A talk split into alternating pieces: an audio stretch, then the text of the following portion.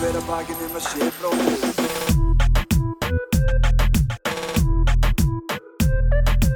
Fyrir hver að bakinn um að sé bróðir eigi.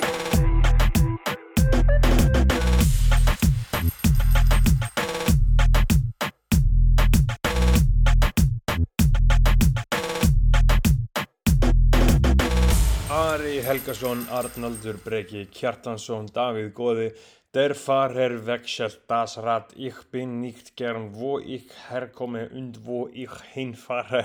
Warum sehe ich den Ratschwell mit ungeduld? Geoffrey Huntington Williams hinnir á Spotify koma eitthvað sniðugt Hálfdán Svensson KJ on the track. Láttuðu líða vel, þú átt að skilið Handból CBD olja Skotanir 20 fyrir 20% afslátt Handból.is Nutt hjá Svöfu Svanur Pálsson og áfengi er höfuð eitur mannkinsins en hlátur er hins vegar höfuð meðal mannkinsins Improv Ísland, síningar öll miðugutaskvöld í VAF Fyrir hver að bakinn um að sé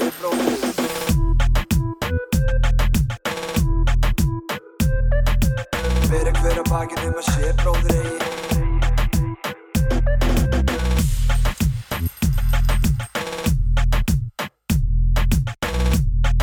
Hraðspurningar, 1, 2 og byrjaðir. Og við byrjum núna. Önsteinn, varstu velkomin í Egilstofu Verður velkomin Einsteinn, uh, enn og aftur. Uh, Þú ert podcastari sjálfur Já, ég er tildulega ný orðin podcastari Já, og þú ert svona, þú ert gotlega vel podcastari og þú upplifa draum allra podcastar að fá að vera einn með podcast. Já, þetta er svona monolog podcast. Já, það, það er bara, hvað, það er Brett Easton Ellis sem er svoleiðis, Já. uh, Vigdís Michael Moore. Mm. Einmitt. uh, Nú ert þú gengin í þessar aðar Hvernig, hvernig er tilfinningin? mér, mér finnst það ókslega gaman. Þetta, já, búið að vera ótrúlega gaman og, og bæði flóknara og einfaldara en ég held sko, sko einfaldara hérna, allt, tæknilega dóti, maður getur gert þetta allt, maður á mæka og tölvur og allt þetta, en það sem er flóknara er að ok, ég get fe- farið á eitthvað rand um eitthvað og svo all, náði saman og þá fer maður bara einhvern veginn að hugsa um text á blaði bara sart á hvítu hvað er ég að tala um. Þannig að það er búið að vera hérna flókið en mjög skemmtilegt sko Talaru, lestu upp, beint upp handrið það?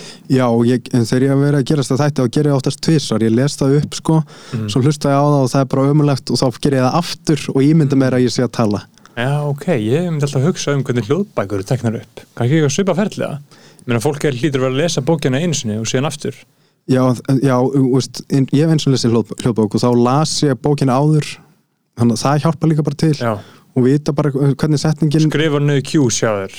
En svo þegar ég var að gera þá bók þá var ég að gera hérna ég ætti ekki eins og var að tala um þetta ég var að, highlightaði hvert karakter svo Já. að reyna að breyta röddunum svo rugglaðist ég aðeins og þurfti að fara aftur tilbaka og mm veist, það er alveg ástæða fyrir því að leikarar er að lesa Já. hljóðbækur Já, já. Já, ég, pa na, pappi er að gera þetta mjög mikið sko já, ég hef verið að hlusta á pappa hann á Storytel, sko. Já, Uh, en ég hlusta, var að hlusta á Arna Jónsson lesa Rökkurbísni eftir sjón og Já. þá var svona, ú, shit, hvernig gera þetta? Þegar hann svona kemur eitthvað twist allt í henni kemur með rosalega rödd eða eitthvað garg eða já. Eh, Ég er ekkert viss um að þau sé alltaf að lesa sko bókina áður. Ég held að þegar maður er komin á ákveðið level þá bara svona og vingar þetta? Já, Já, þessi, þetta- þessir heavy duty gæjar sko. þá ertu bara með tilfinningu fyrir hrinjanda og flæði og, og, mm. Og þá bara einhvern veginn rennur þetta einhvern veginn bara af tunguna þér sko. En, en það er líka merkilegt að hugsa til þess sko, um leið að heyri röddina þinn í mikrofón hvernig hún breytist og líka eftir sko útastöðum veist, ég er búin að vera að fara á í viðtölu mismunandi staði og mismunandi svona orkulega vel ég fór hérna á Sigga Gunnars á Rástu og það var geggjað sko, það var ekki eins og að fara inn á rúf viðtal sem að fer inn í með, með, með rúfmækin fyrir fram að sem að reynir að vera svona spekingslegur. Þarna vorum við bara komin í geggjað orku og tala samt um sko alveg djúb menningu sko. Og það var geggjað, svo fór ég á FM og það var líka geggjað orka og allt þetta. Og, og, en einmitt það þarf að vera svona stittri bæt sko. Svo fór ég hérna í lestina og þá var ég nývagnar og ég var á svo lári orku. Og þá hugsaði ég, ok, þetta verður miklu erfiðar viðtal fyrir sko spýrilinn og hérna, hann ég hugsaði um það svona eftir, eftir ok, ég þarf að svona keira maður upp í það. En þá var ég orðin svona ofspekingslegur og eiginlega bara rugglingslegur fyrir hlustandan á mikla Já, ef maður fer í ómikinn speking sko, þá er það bara svona þá er maður eins og, eins og maður sé bara svona, eitthvað svona 12 ára með eitthvað svona geðveikt hálfbaka pælingu Já, nákvæmlega. Það er daldið eins og eitthvað svona er að grínast. eða eða 18 ára 2016 búin að hlusta á fyrsta Joe Rogan podcasti bara professor. Já, en uh, þetta er svona hvenær hvenær kveiknaði þessu hugmynd? Þú veist, þú er búin að vera alltaf bara að vinna blötu eins og kemur fram Já. í, í, í pod, poddinu, Mhm. amatör mm svo að við nefnum það hérna uh, skjótum ekki fram hjá nafninu á við með. Uh, hvenær kveiknaði þessu hugmyndum að þú veist, eitthvað svona fara þessa leið að því að, kynna plötuna? Sko, eins og svo margt fyrir listamenn á Íslandi þá kveiknar hugmyndin þegar maður er að sækja um styrki og þá koma alls konar svona COVID viðspyrnustyrkir og ég hugsaði með mér ok, ég er að sækja þetta um og mér langar að búa aðeins lengur inn út í Berlín. Uh, og fókus er á músík og þá fór ég að hugsa ok, hvað get ég sótt styrkjum ég er búin að pæla í þessari plötu bara í döðlur sko og ég, og ég er búin að fá styrki fyrir henni svo kom svona auka styrkur og þá hugsaði með mér ok, það væri gaman að gera sjónvarstátt í kringum plötuna og fara í svona tóm félagsheimil út á landi, taka upp plötuna eða spila hana live og vera með svona smá behind the scenes og svona umlaugin og, og ég var með svona vision hvernig ég geti gert það og því að maður sér fullt af svona tónleikamyndum og, og veist, þær eru góðar sem slíkar. Mér langaði að fara aðeins dýpra líka í pælingarnar og svona berskjaldum með aðeins með pælingarnar. En svo bara held COVID áfram miklu lengur en, en nokkur þorða að vona. Og þá hugsaði með mér ok, pinningurinn er búinn en ég er búinn að vera með að skrifa niður pælingarnar ég hef ekki, eins og svo oft með styrkið þeir fara bara allir í allt annað tæknidót og leið og græjum og svona en ég get gert podcast. Og það verður jafnvel, þú veist, fólki sem er að hlusta á mína tónlist, það hlustar ábygglega fullt á podcast líka. Og hann náði, hugsaði með mér að ég myndi ná að slá nokkra flugur í einu höggi. Og fór þá að taka upp alls konar svona found sounds sko í, í stúdíónu og svona gefa fólki einsýn bak við tjöldin En hugsaðu eins og þetta podcast, uh, þú ert að fara inn í uh, ferlið og útskýra uh, hvert lag er með sinn þátt. Og þú útskýra ferlið, útskýra ferlið að hvernig þú gerði það og síðan þú líka fara svolítið svona bókmyndafræðilegt í textana, hvað mm að segja. Uh, hugsaðu einhvern tímann hvað þú sett að uh, segja um mikið. Heldur einhver af þér, þú veist, viltu gera lag og segja bara beint út þetta um þetta? Sko, það er ótrúlega margt sem ég held fyrir mig ennþá sko og, og þess vegna er ég jafnvel að spá ok, það er að koma fleiri lög, ætti ég að gera fleiri þætti? Og því, þú veist, sumt er bara aðeins of svona berskjaldandi en það er líka eitthvað við það sko, þema á plötun er að gefa fólki dálítið svona einsýn bak við tjöldin. Já. og að þetta á að vera dálítið svona rough og aggressív músík sko.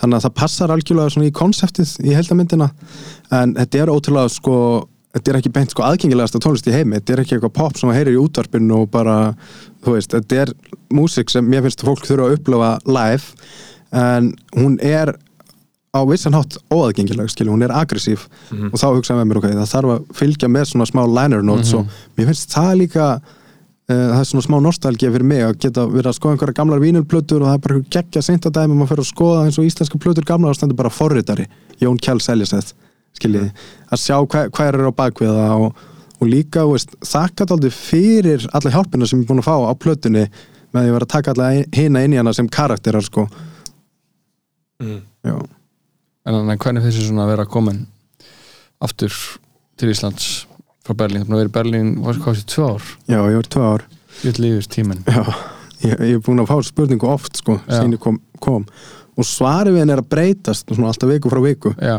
og fyrst fannst mér, veist, fyrst ég kom og fór bara í strax gett mikla vinnu sko. Og mér varst uh, svona taldið erfitt að lenda. Kom mér bratt sko, vorum að flytja allt og óksla mikið stress. En ég bara elska þessa borg, Berlín sko. Og, og, það er svona tilfinning sem fólk þekki sem hefur búið þar og fer kannski frí til Spánar eða helga fer til London og kemur aftur og þá finnir maður svona ok, hér á ég heima. Og, og ég held ég muni alltaf að hafa þessa tilfinningu við þessa borg og hún breytist, hún er að breytast ég bjóða þetta fyrst fyrir 11 árum en það er samt alltaf eitthvað sem er alveg eins í henni, skilja, einhvern svona kjarni. En maður er komin til Íslands og það er svona fyrsta tilfinningin er, veist, ég fór úr því að vera að vinna 6 tíma daga í Berlín og áorka mjög miklu. Ég verið sko 12 tíma daga hér og vera samt bara eitt stórt spurningumerki á hverju kvöldi þannig að eftir svona hérna tvær vikur hérna þá hugsaði með mér ok, þetta, ég er að fara í burnout sko. Þetta er bara, þetta er Ah, allt we þetta er allt og mikið sko. Og þá hérna, þá fór ég að skráða mig á námskeið Sigur um streituna og það var geggja, það er hefði bara spánsað hana þátt, sko, Sigrun Streituna. Og hérna, það var námskeið hérna í svona movement gymmi, primal og það bara bjargaði mér strax, sko, ég var ekki ég var ekki, þú veist, það næst í svona óvarlegt að vera að tala um eitthvað burnout, sko, ég var ekki alveg komin þangað. Þetta er ekki burnout appropriation hjá þér. Nei, sko. nákvæmlega. Og hérna, þannig að ég fór, fór á þetta námskeið og það, það já, ég, veist, er að læra öndunaræfingar og tegjaæfingar og alls konar svona misconceptions um hvað burnout er, eða kulnun. Og Hvað er það? Þú veist, hvað tala þau þau- þeir í primal? Þú veist, ég, ég, ég get nefnt dæmi með eitt gott bara misconception. Mhm. ef þú ert að fara í hérna burnout, ef þú ert komin í burnout sendur heim að kvíla þig. Það er það versta sem þú getur gert að vera bara heim og gera ekki neitt og þá getur þú fest heima hjá þér í, í þrjú ár Já, skilja, maður er hýrt að því, sko. Já, Já, þetta- morfast bara hvað í Já, og hérna og, og, og önnur pæling þarna, veist, þetta snýst aldrei um að virkja kerfið aftur og virkja taugakerfið og, og, og, og í því skinn er pæling um hérna fight or flight. Að það er aldrei svona getur verið svipuð hérna líkalengin og öndun en tilfinningalega þá er það mjög mismunandi. Og maður fattar að ef þú ferði í ræktina þú veist, þú ert að fara að lifta lóðum þá þarf þú að lifta lóðinu sko. hún á ekki að vera að draga þig niður. Það er bara svona hugafar Já, sem já. breytir ógæðslega miklu. Og maður finnur þetta á sviði. Þú veist, fyrstu tónleikandir síðan ég kom heim eða þegar ég kom heim þá gekk vel fyrstu nokkur lögin og svo hérna fór ég svona smá í skel og bara næstu í fósturstellingu skiljiði og maður fyrir að hugsa um allt. Og svo eftir því sem ég spilaði fleiri og fleiri tónleika og endan var ég að spila einhverju hérna, starfsmannapartí í banka skiljiði alveg random gig, það var ekki eins og vera að spila á Stórasöðun og Arnarhóli eða eitthvað en ég hafa búin að spila nokkuð gig svo er ég komin í eitthvað svona privatparti að spila og það var geggja þá náði ég að halda orkunni allan tíman og það var þessi spurning um, um fight or flight. Þá var maður komin í sko fight og bara rétt úr bakjunu og axleitar aftur og tilbúin og þetta er það sem fólk kemur að sjá skiljiði, og því söngvarinn hann getur ekki fælið sig á bakvið hljóðfæri. Þú veist, fólk sér alltaf beint inn í sáluna þér. Þannig að þú kemur inn á svið og ert í skel það er bara mjög slæmt sko, það er ekki það sem fólk hérna, borgaði til að, til að fara að hlusta á sko. Mm, og hvernig tengið það svona við, uh, við streitu? Í, í streitunni þá ferðu í skel skiljiði, og þú ferð í, í þessa fóstustellingu sem er flight og þú ferð að mikla hluti fyrir þér uh, og hugsa eða mikið, þannig að á námskeiðinu við erum að læra svo mikið um einhver sko, tilfinningar og hvernig það er koma út í líkamannum skiljiði, þannig að hérna, þú, þú ferð uh, úr í alg algjörlega slökun ástandi og þá líður líkamannum vel og svo ferð meira og meira og meira stress þangað til að sloknar á kerfinu. Þegar kerfi, eh, stressið er orðið á mikið. Já, já, já. Og, og ég var ekki komið þangað. Ég var bara þarna einhver staðar á mörkunum þarna milli fight or flight og, og náði ekki að slaka á almennilega, ég var líka búin að vera bara í allt sumar Berlín maður, njóta borgarinnar og svo að flytja heila fjölskyldu yfir. Þú veist um tíu törskur og, og, og en já, eitt reynda sem ég geti sagt ykkur ógislega fyndi, ég var að hlusta á podcast hjá hérna, sem heitir Huberman Lab. Þetta er eitt vinsælasta podcast í heiminum núna. Þetta er svona taugafræðingur í Stanford, professor og hann var að tala um hérna Michael Phelps, sundkappan. Að hérna hann var við það að fara að slá bara met, bara uník í heiminum að vinna flestar gullmetaljur á olimpíuleikum og hann átti eina medalja eftir og þá fyllast sundklöfurinn hans af vatni og hann sér ekkert og þarf að synda þetta blindandi síðasta.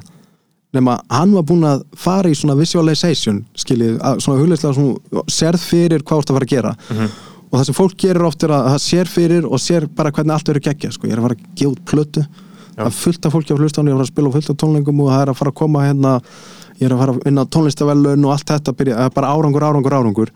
En það sem afreiks íþróttumæður eins og Michael Phelps gerir er hann sér fyrir sér failure. Já, versta sem getur gerst. og hann var búinn að æfa það að sundklöru myndi fyllast af vatni.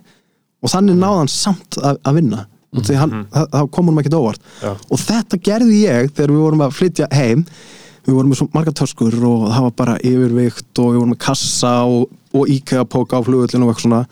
Og ég hugsaði með mér, ok, ég ætla að ímynda mér allt sem getur fyrir úrskeiðis. Ég fór bara í gegnum allt í haustum mikið stress, skiljið og þú veist, þetta er ekki heilbreykt svo þegar kemur á flugullin, þá rann allt bara þvílíkt smúð skiljið og leigubílstjórinn sem kom að sækja okkur mikil vinnu minn, Bater hann bara erði með IKEA-póka svona bláan IKEA-póka með fötum, ég get ekki farið með þetta ég fæ með okkur að kaupa í töskur. Nei, hann spurði, já, hvað er alltaf að kaupa töskur? Ég sagði bara á flugvöldunum og það er allt og dýrt. Ég, ég kaupi töskur fyrir ykkur, eða hjálp ykkur. Og hann fór, hann fór með okkur í eitthvað einaða hverfi, í Tyrkjabúð og hann sagði, þú veist það, ég var rafvirki hérna, í síðasta lífi og, eða ég fyrir áðan ég var leigupilstjóri og ég kom alltaf hingað að versla hjá þessum strákum. Og við fórum að hann brútaði niður, keftum töskur bara geða þetta ódýrt og það gekk allt svona ferðalagi, strákurinn sopnaði í flugvölinni, skiljið það var allt bara hérna á bleiku skíi. Og, og það er Michael Phelps að þakka. Ég var búin að ímynda mér alltaf versta og ég hefði líka getað komið inn á flugvöllin og verið bara allir í mínu stressi og það hefði haft áhrif á ferðalagið Já, já, skiljið það er bara búið það til. skilist það sko. Já. Mhm. og mætir henni stressaður og þú veist, og mætir, mætir í nýjavestinni í bæ og verður stungin nákvæmlega. Þú veist, það er að fara að gerast. Já, Mér er ekki, ég fór, í, ég fór í bara í enga tíma í Bremar mm og þá var hann að tala um þetta sko hann að uh, þetta fight or flight dæmi sko að við séum hann að að það sem spilir svo mikið inn í þetta eins og þú veist að fara í þessi öndurna það fyrir þessi svona hvað maður andar stutt þú veist, að maður andar hana grund að við séum og þú veist, mér líður alltaf eins og svona einhvern veginn svona heið almenna svona heið eðlilega uh, en að gera sér að ástand er að vera bara eitthvað anda gæðt grund að hugsa gæðt mikið um það sem varst að gera á hann og það sem þú ert að fara að gera eftir. Og, þannig að- þetta er svona uh, the collective psy- psychosis sko, sem, sem við lifum í sko nákvæmlega já. og, og þannig, að, það er einhvern veginn svona spurning hvernig hvernig, hvernig er að svona implementa kannski er það bara Óli, Ó- Óli Stefi í þannig að, skrifa hann aðalnamskrá þú veist, hvernig getum implementa þetta dæmi á okkur svona grand skala Já, þú veist, já. hvernig, hvernig látum við fólk fara andan í maga? Já. hvað er þetta að gera? Það, það, það er bara einn sannleikur. Og síðan eru nokkur spámenn að segja allir nákvæmlega sama. Eckhart Tolle, Wim Hof, Kanye, Kendrick Já. eh, sama hvað það er. Það er bara einn sannleikur. Og það er bara að anda, anda neyri maður og með því ertu bara að koma þér í mómentið. Og unnstætt það sem að þú varst að gera á flugvöldinu var að þú varst ekki að streytast á móti því Nei. sem að er. Mhm. Það var eina sem varst að gera. Þú varst tilbúin að hvað sem er myndi gerast af því að þú varst ekki að streyta móti. Og allir spámennir er að segja nákvæmlega það sama að þú mátt ekki streytast á móti. Og síðan er allir hinni spámennir spámennir sem ég er svolítið mikið og heila núna Joseph, Joseph Murphy og Neville Goddard sem eru mikið í undirmöðundinni og eru mikið að tala um Jésu Krist uh, og eru mikið að tala, eru mikið að taka þetta uh, allt saman bara alla ultimate truth er þetta bókin hann að undur með undundin Já, Joseph Campbell, The Power of Your Subconscious Mind. Og síðan, er, Neville Goddard svona gaurinn sem er svolítið um, á svipuður ekki hefur skrifað bókina The Feeling is the Secret og þeir eru basically að tala um The Secret sem að vara svolítið vinsælt hérna bara, bara að útskýra það aðeins betur. Og þeir lærðu báðir frá okkur sko, ethiopískum uh, witch doctor sem heitir Abdullah. Ok, það er geðvægt. Já, þetta er bara real shit Já. sko.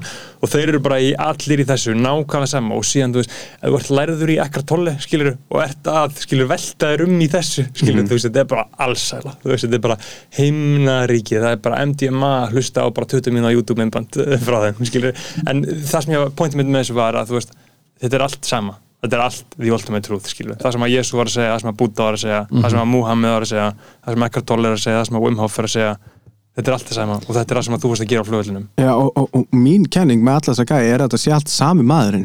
Veist, það kom bara einhver briljant gauður sem kunni að anda mjög djúft skilji, og svo þarf bara að fara að set, gera þessar sögur upp og nýtt skilji, það er, til- það er til sögur um vikinga í hérna, Úkrænu, í Kænugarði skilji, það til, og það er til sögur um hérna, einhvern spámann þetta er vikingasaga sem kom, Bar Bartholegum saga eða eitthvað svona. Og, hérna, og það, þeir fættu til dæmis, ok, þessi gæri kænjar, það voru ekkert vikingar, það var bara svona saga sem kom til Íslands uh, í, á, hérna, til vikingarna og var skrifið niður. Bartholegum saga, það er Búta skiljið, Jésu, það er Já, ábyggilega Búta einmitt, líka. einmitt. og, og ég held líka á, á svona stærra level að við vitum öll þessa sannleika, jafnvel þótt maður sé að lesa tolli eða ekki, Já.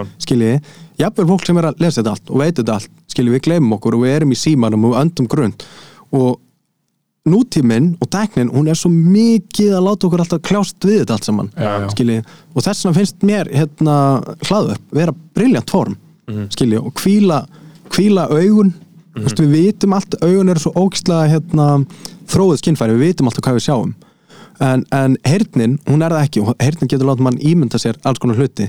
Og þá fer ímyndunafn á afleið á flug og fá að kvíla þess augun, hlusta á eitthvað. Og ég var að gera hérna rítgerum þetta á, á, í listaháskólanum síðsöndabröð tala um útvarsleikrit, hvort það getur talist með sem sviðslistir. Og, og ég held því fram að það sé ekki, það sé ekki sviðslistir. Mm. útvarsleikrit eru miklu nær sjónvastáttu með einhverju medium sem er klift og, og, og það sem er briljantu útvarsleikrit versus sviðslistir að þú fara að kvíla augun og þú ímyndaðir karakterina nákvæmlega eins og þú sér þá fyrir þér mm -hmm. og þá fer hugurinn á flug. Daldið eins og þegar maður er að lesa bók en þarna færðu samt veist, þessa listgrein að leika Performance. performancein inn. Og svo er hægt að gera alls konar með hljóð og, og, og þannig. Þannig að veist, ég sé bara ótrúlega mikla möguleika í, í, spoken word og bara audio-formatinu Já, já, the great oral tradition. Já, nákvæmlega. Já, já, þeir loksist eru við podcastina að fara að fá smá virðingu. Já, já, Okkur hérna. respect my name sko. Já, já, já, fólk er að tala um þetta eh, fólk er að, fólk er að svíður það í starfséttina, sko, oucher, sko. Ég, fekk, ég, var, að- ég var að hlusta tólli á hann sko, anna, ég, er svona, ég er búin að vera að hlusta aðeins minna sko, að maður er anna, hlust, ég er búin að hlusta aðeins minna bara almennt, svona bæði á músík og, og, og ef með nokkra hljóðbækur í gangi ég er að hlusta á anna, Paradís er heimt bara svona smá og smá, hlusta á tólli hlusta á uh, Bronze Age anna, Mindset Pervert, já. Bronze Age Já, Pervert. Baffarinn og, anna, og, og Chomsky og svona, ég er með nokkra svona algjöra professionals bara vængnum. Professionals en Tolleg var mér svo geggja að á hann það var eitthvað svona eitthvað, svona dæmisa, gaur hann vinnur eitthvað sportbíl og hann eitthvað geði eitthvað sportbíl í einhverjum leik og það kemur eitthvað fólk upp á hann og maður er eitthvað, vá maður, þetta vá hvað var teppin maður, fucking heppin það bara, já það. Og hann og síðan bara lendir hann í einhverju hellu slisi og hann alveg bara lamast og hann er bara inn á spítala og sama fólk kemur bara, vá hvað þetta ofur maður? Mm. hann bara, já það og hann og síðan á sér stað eitthvað hann auðskriða og húsi hans verður bara undir auðskriðu Já. og kemur fram að fólki upp á hann og hvað teppinu varst ekki í húsinu já, já, hann er bara, já það Mm. Þú veist, það, það, það, var, það var maybe þú veist, Mhm. maybe, you're so lucky yeah, maybe, Mhm. kannski Mhm. með þess að, já það er betra Mhm. en þú veist, það, það er þetta dæmi sem akkur sem við vorum að tala um á þú veist, að þegar þú ert ekki neinn, þegar þú ert alltaf bara að samþykja þá ertu aldrei í mótstöðu við. Og þá ert aldrei. Og þannig að það var líka eitthvað, með eitthvað annan eitthvað, eitthvað, eitthvað búttagauður sem eitthvað svona kemur okkar, herri, þú, þú ert að barn, þú ert pappin og hann eitthvað, ok, tekur barnið. Síðan bara eitthvað mörgum áður síðar kemur, kemur í ljós, þú ert ekki pappin nei, ok. Búin að ala upp barn. Þetta er alveg svo ótrúlega og líka bara eitthvað að eiga barn núna, þú veist, ég er alltaf bara eitthvað svona, það er bara, ég er eitthvað að reyna að klæða úr fötunum og fara í bað og það er bara verið að flippa út eins og ég sé bara með stungingrís já. og ég er svo mikið þetta er, svo, ég, þetta er svona, ég gríp mig oft svona, af öllu sem ég er að gera þá grípum mig oftast við að vera svona að, svona, að missa eins reypið í þessu Já, já. acceptance dæmi því að bara, því að bara oh my god, getur við bara please ég, við, við gerum þetta hverjum einastu kvöldi en við förum í bara eftir mat bara, getur við bara getur við bara samþýtt það já, já.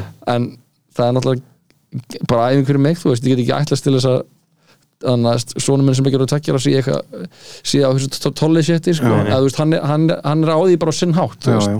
hann er bara fullkomlega bre, hann, Já, hann fullkomlega. samþykir samþykir fullkomlega sásökun hann og bara gengst við hann og síðan bara síðan þegar ég segja bara eitthvað annað þá er bara algjörlega komin út úr já, sko. hann er ekki áperðið út frá 14 faldri bælingu sko. Nei, hann, hann, er aldrei hann er aldrei eitthvað svona þetta sem pappi sagði áðan eitthvað, hann er bara í fucking lakanskum realisma bara svona raunverulega lífið nákvæmlega eins og það er En veist, hvernig finnst þér svona að þú, þannig, að, þú veist, þetta er svona að tala um, þú veist, hvernig það er að koma aftur heim og, Mhm.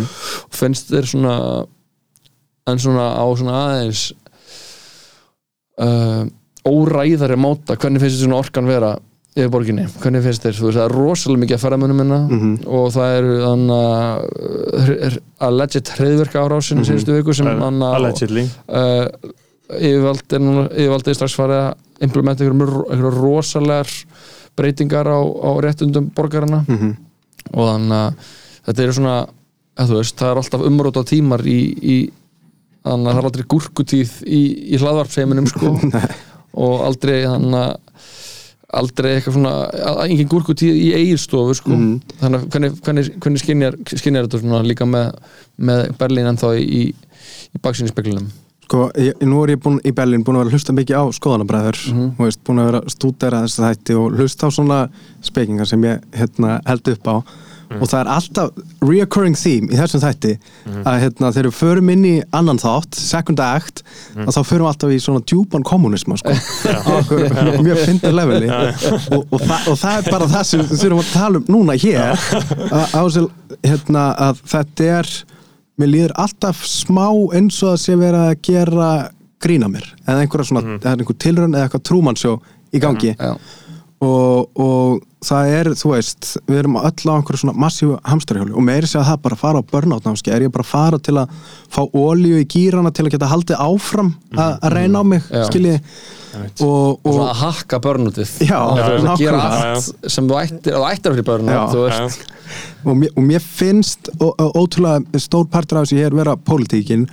Og það er einhvern veginn svona það er búið að vera uh, þessi ótrúlega förðulega ríkistjórn kæða lengi skilji sem að snýst eiginlega ekki um neitt nema svona status quo. Það er, það er mér finnst vanta algjörlega einhvern veginn svona uh, ó, það er svo erfitt að finna, veist, ég finn korki orð af ennskunni í íslensku en það er einhvern veginn þetta með að hugsa aðeins um náungan skilju og hvernig fólki líður. Og við erum svo ótrúlega aftengt hérna finnst mér nútímanum og hvernig pólitingin er að tekla eins og við sjáum bara með sálfræðaþjónustu og þetta ný, nýfstungu árásir neyri bæ, þetta hérna yfirvofandi hriðverka ógnin eða hvað þetta var uh, mér finnst þetta allt tengjast skiljið, það er ótrú, ótrúlega mér, mér, mér finnst þess að það sé svona smá build-up af einhverju reyði eða pyrring, því það er alltaf vera að segja okkur að það er á svo góð kjör hérna.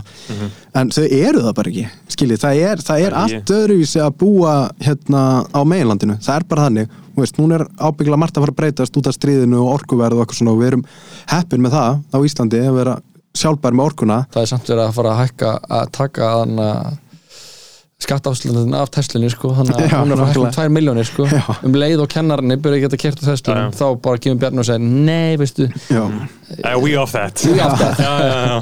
En, en í starra samengi þá er þetta líka þú veist, Tesla-gaurinn og fucking Facebook-gaurinn Já. og Amazon-gaurinn og allt þetta við erum öll búin að kaupa okkur inn í bara þetta er bara, þessa ólíkarkíu bara þetta, er normið og uh, ímynda okkur á Facebook það er miklu valda meira heldur en nokkur þjóðríki skiljið að- ef að þeir myndu targeta þig beggi þá er bara herru við, við vitum allt um hann. Við getum, það er alltaf að tala um vísindakirkjan sem er leynilögreglu skiljið og getur targeta fólk þannig og fólk komist ekkert út kirkjunni. Þe- þessir hérna teknirisar eru með allt þetta í gangi. Og, og þannig að ég er svona stundum er ég með svona uh, og það er ótrúlega skrítast kannski að segja það vera, verandi á Íslandi skilja á öllum stöðum í heiminum en maður er með svona áhyggjur af líðræðinu skilja út af því það er, það er ekki það er ekki svona one person one vote. Heldur er, er það komið út í að við erum svona, veist, er það að kaupa sér alls konar, er það að kaupa sér influence? Og, og mér finnst þetta ég sé það ógæsla skýrt núna á Íslandi þegar ég kem heim. Svo tekur það bara nokkra mánuði að blindast aftur og fara inn í þókuna skilji, fara inn í gufuna í vesturbælaug og veist, segja ekki neitt. Veist, ég, er, ég er ekki að tjá mig um neitt um neitt um neitt á neinu miðlum. Ég, ég nenni því ekki og það þú veist, ég, ég vil frekar tala við fólk. Uh, en þegar, ég bjóð í Berlin þá bjóð ég á torki sem heitir Hermannplatz og þar fyrir utan voru alltaf byrjaði öll mótmæli.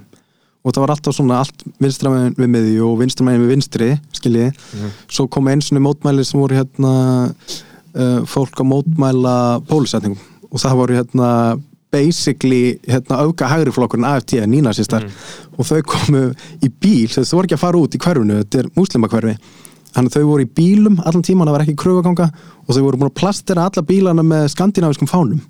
Skiljið, það var bara sænsku bíl, íslensku bíl norsku bíl, dansku bíl ekki að blanda okkur inn í þetta. Og mér, og mér fannst það magnað sko. Uh, já, en þar, þar, þar ertu ótrúlega nálagt einhverjum svona aktivisma. Já. Þú veist, þetta var bara fyrir utan hjá mér. Ef ég opnaði gluggan þá var bara eitthvað í gangi.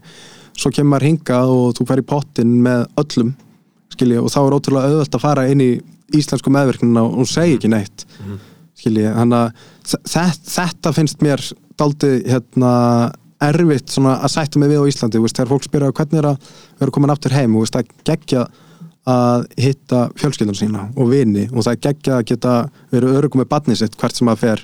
Þú veist, ég er með, ég með ég, skemmtilegri vinnu skilja ég, ég er með, er að vinna með skemmtilegu fólki og, og það er allt miklu auðveldar maður þekkir allir og redd, reddar allir þannig skilja ég en, en það er eitthvað með svona lífskjör hérna sem er daldið brotið mm -hmm. skilja ég og, og, og þú veist, já. Mér líður líka bara eins og þannig að þetta ég átti svona smá svona, segi ekki, segi ekki debat en svona vísi að eitthvað svona uh, debati bara núna í vikunni og var að ræða við, við kuningakonu um hann um þessa hriðverkárós uh, og ég fór strax bara í þú veist, þannig að það er bara svona maður, anna, maður er podcaster þú veist að Það maður er erfitt að vera reddpillaður podcastar í Vesturbæðileginni sko. Það er, bara það er, drullu erfitt sko, en ég er samt svona á því að ég er sko þannig að að ég held að sko að áhrif manns geti eh, séu meiri ef maður uh, þú veist, ef maður kemur og, og, og málar kannski með alveg sterkum litum frekar en að þú veist, þú kemur inn í herbyggi og það er svona svona smá rautina, eða þú kemur inn í herbyggi og það er bara fuck, hvað er rautina? Og mm maður sem ég, ég sé að tengja með einhverja liti. Mm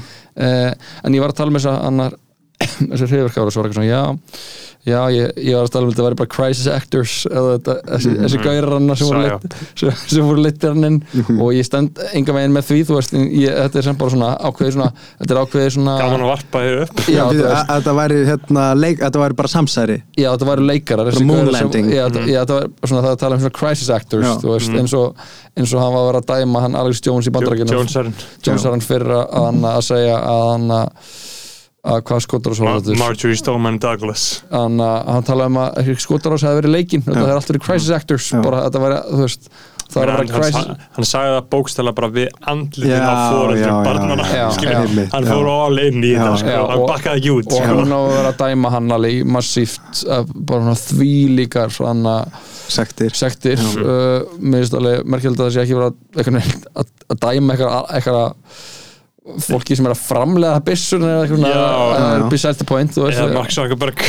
Eða Max Zuckerberg. Okkur ekki að dæma hann. Þannig að uh, Nei, þú veist, bara, point- pointið mitt er að þú veist, ég held að sé alveg ofta áhrif, áhrifaríkt og svona, og, svona einhvern veginn, eh, getið einhvern veginn gárað vatnið meira, svona aðeins meira en að bara gára vatnið með því að bara slengja fram einhverjum manna uh, skoðunum sem kunna vera svona, svona, ha, mennur þetta? Mm menn, menn ekkert alveg, þú veist, en ég er bara að- en ég fór bara að segja bara að, já, ég held að sé bara, að þú veist, núna eru strax bara, það var í selurinu segistu helgi, ég sá bara svona klipp úr því það sem hún hann Þóruldur úr Pírutum var að tala mútið einhverjum, einhverjum sjalla að hann að líta allir eins út þú veist, einhver gaur, dökkari gaur svona, Villi.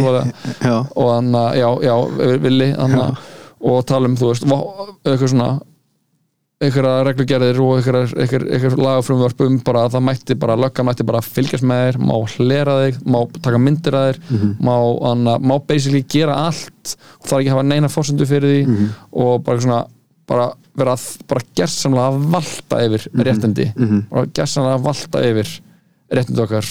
Og ég var að tala um þetta, segja þetta bara já, þetta er bara svona og, og, og það er náttúrulega bara því að anna, verkefni ríkistjórnarinnar er að viðhalda óbreyttu ástandi og, anna, og saksa á réttindi okkar. Bara eins og maður sér í heilbríðskjærunum bara og, og þau gera þetta bara allstar það er bara anna, öll innvið eru bara bara bara búið að hólskefla mm bara anna, leikskóla í anna, sjúkrahús og anna og þá fæ ég svona smá svona, nei, ha, hvað svona, það er ekki markmið þeirra að anna, að ætla að viðhalda status, að status að þú er ekki markmið eitthvað svona, hvað er markmið eitthvað svona, ég, ég trú ekki að það sé bara eitthvað 60 okkar manns inn í einhverju hús bara í alþengi sem bara eitthvað þannig að er með það markmið að breyta ekki neina en, en þau gera það ekki mm þú veist, og við getum ekki þannig að þú veist, the road to hell is paved with anna, good intention sko, þú veist að þýðir ekkert að vera eitthvað ég, ég, ætlaði að gera þetta þú veist, kata ég ég ætlaði að gera þetta. Skiptir einhver máli hvað þú ætlaði að gera því Nei, ég get alveg sagt bara svona, eins og þetta bara þegar hann að J.K. Rowling var eitthvað, já Voldemort, nei, Dumbledore, hann var hommi. Já. svona Já. eftir á. Hermione, hún var svört. Og hann og þess er bara svona, maður er eitthvað, hvað, þú getur ekki sagt það eftir á. Bara hvað er að- hvað er að tala um þetta veist? Og, og, og þá er eitthvað, nei, þetta er, þetta er, þetta er ekki vond fólk. Ég, en þá en, en, en þa- þannig að raki maður okkur sem var eitthvað svona, já ok þannig að, að því að þú veist, uh, mjög klár þannig að stelpa og bara superklár og hann og veit alveg what's what þú veist, en það er þetta með þannig að einhvern veginn svona lippa dæmið sem er einhvern veginn að vilja ekki sko vera svona of vera ekki segja er ekki vond fólk en það, þetta dæmið um þú veist að vera góður og vondur þú veist, mm -hmm. svo mikið miskilingur ég, ég held líka ég, ég held að, að flestir séu bara gott fólk skilji, og þið sjáu þessar stjórnmálamenn Katrin Jakobsdóttir, skilji góð kona, mér er þess að Bjarni Ben. Það er náttúrulega bara fólk Já, og fólk er er, bara veist, gott, gott og vond það er ekki það, Ég og þið með nákvæmlega sem meðvitund Já, og nákvæmlega sem baksum Já. myndi gera nákvæmlega sama. En, en, en málið er það að kerfin þau, við getum nota kerfin til að vera skrýmsli skilji, og, og skýrast þetta með bara útlendingastofnun. Það er ótrúlega auðvelt að láta kerfi bara rúlla og svo tekur engin einn ábyrð og akkur tekur engin einn ábyrð því þau eru öll hvít skilji, þau, ha, þau hafa ekki þurfað að upplifa hvernig það er að vera undir út og fæðist einhvers staðar annar staðar mm skilji, þannig að kerfi það er ótrúlega gott að það bara hérna, ta- tala fyrir þau og það rúlar áfram skilji, þetta er bara svona mjög stert dæmi útlendingastofnun. Sa og sama með hérna með, með, með ríkistjórnuna og ég man eftir þegar komst upp um hérna reisist dæmi hjá Sigurðinga eh, sá sem var með skýrasta svona mótsvari, þetta er bara ekki lægi það var Bjarni Ben skilji, og hérna hann var, hann var allir búin að vera eitthvað, já, hann baðst nú afsökunar og eitthvað svona, ég bara geðu ykkur meðvirkni, svo kom Bjarni Ben bara, þetta var bara ólíðanlegt, það sagði eitthvað svona en þá var reyndar byrjað bankamálið, sko, hann var að reyna að koma hittanum af sér, skilji. En það eru ótrúlega fáir inn á þingi sem eru að gera vondót en það er, það er vissulega fólk og það er fólki sem að hérna, tekur fyrir útlendinga skilji, og ég, er, ég tala um þetta í hverju einustu kostningum skilji, ég, ég, ég kjósa þá sem eru góði útlendinga út af því að þetta er það sem maður upplifir í Berlín og ég var að tala um þetta í podcastinu það er svo margir útlendingar í Berlín og fólk sem er búið að vera einflytundur í margar kynnslóðir að þau taka svo vel á móti hérna, okkur hinnum sem komum og kallum okkur expata skiljið, við. Getum ekki einu svona kalla okkur innflytendur og, og, og þetta breytir ótrúlega miklu. Og það er annað með Berlín, það er viðmið sko, og ég er náttúrulega með svona drauma mynda Berlín, skilji, ég var í þvílíkri forréttundastöðar en, en samfélag þá að vera, sko, hvernig, hvernig tökum við hvernig sjáum við og hvernig höldum við utanum fólki sem á minnst skiljið, það segir ótrúlega mikið um samfélag það er bara dæmir hvernig, hvernig samfélagið er Já, og ég held sér ömulegt að vera fátækur á Íslandi Já. skiljið, bara Það er- a- algjörlega ömulegt uh, en Þetta er líka, það- sorry, ég grípa Já. fram í að ég held að sé líka svo ömöld að því, þú veist uh, að því að þú ert myndur á, þú veist Mhm. Myndur á hvað það er og fokkin ósangjant Já. út um allt, þetta er eins og að vera bara eitthvað í s- sveitabæ, þú Mhm. veist, þetta er bara eins og að vera einhverju leikriti sem gefur sér sveit og það er eitt sem er einhvern veginn svona og, það, og það er hann er myndur á því öllum anditum sem að horfir á, Já, þú já. veist Mhm. ég, það, það, er, það, er, það er til hverfi á Íslandi þar sem býr ekki eitt útlenskt barn skiljiði Einmitt.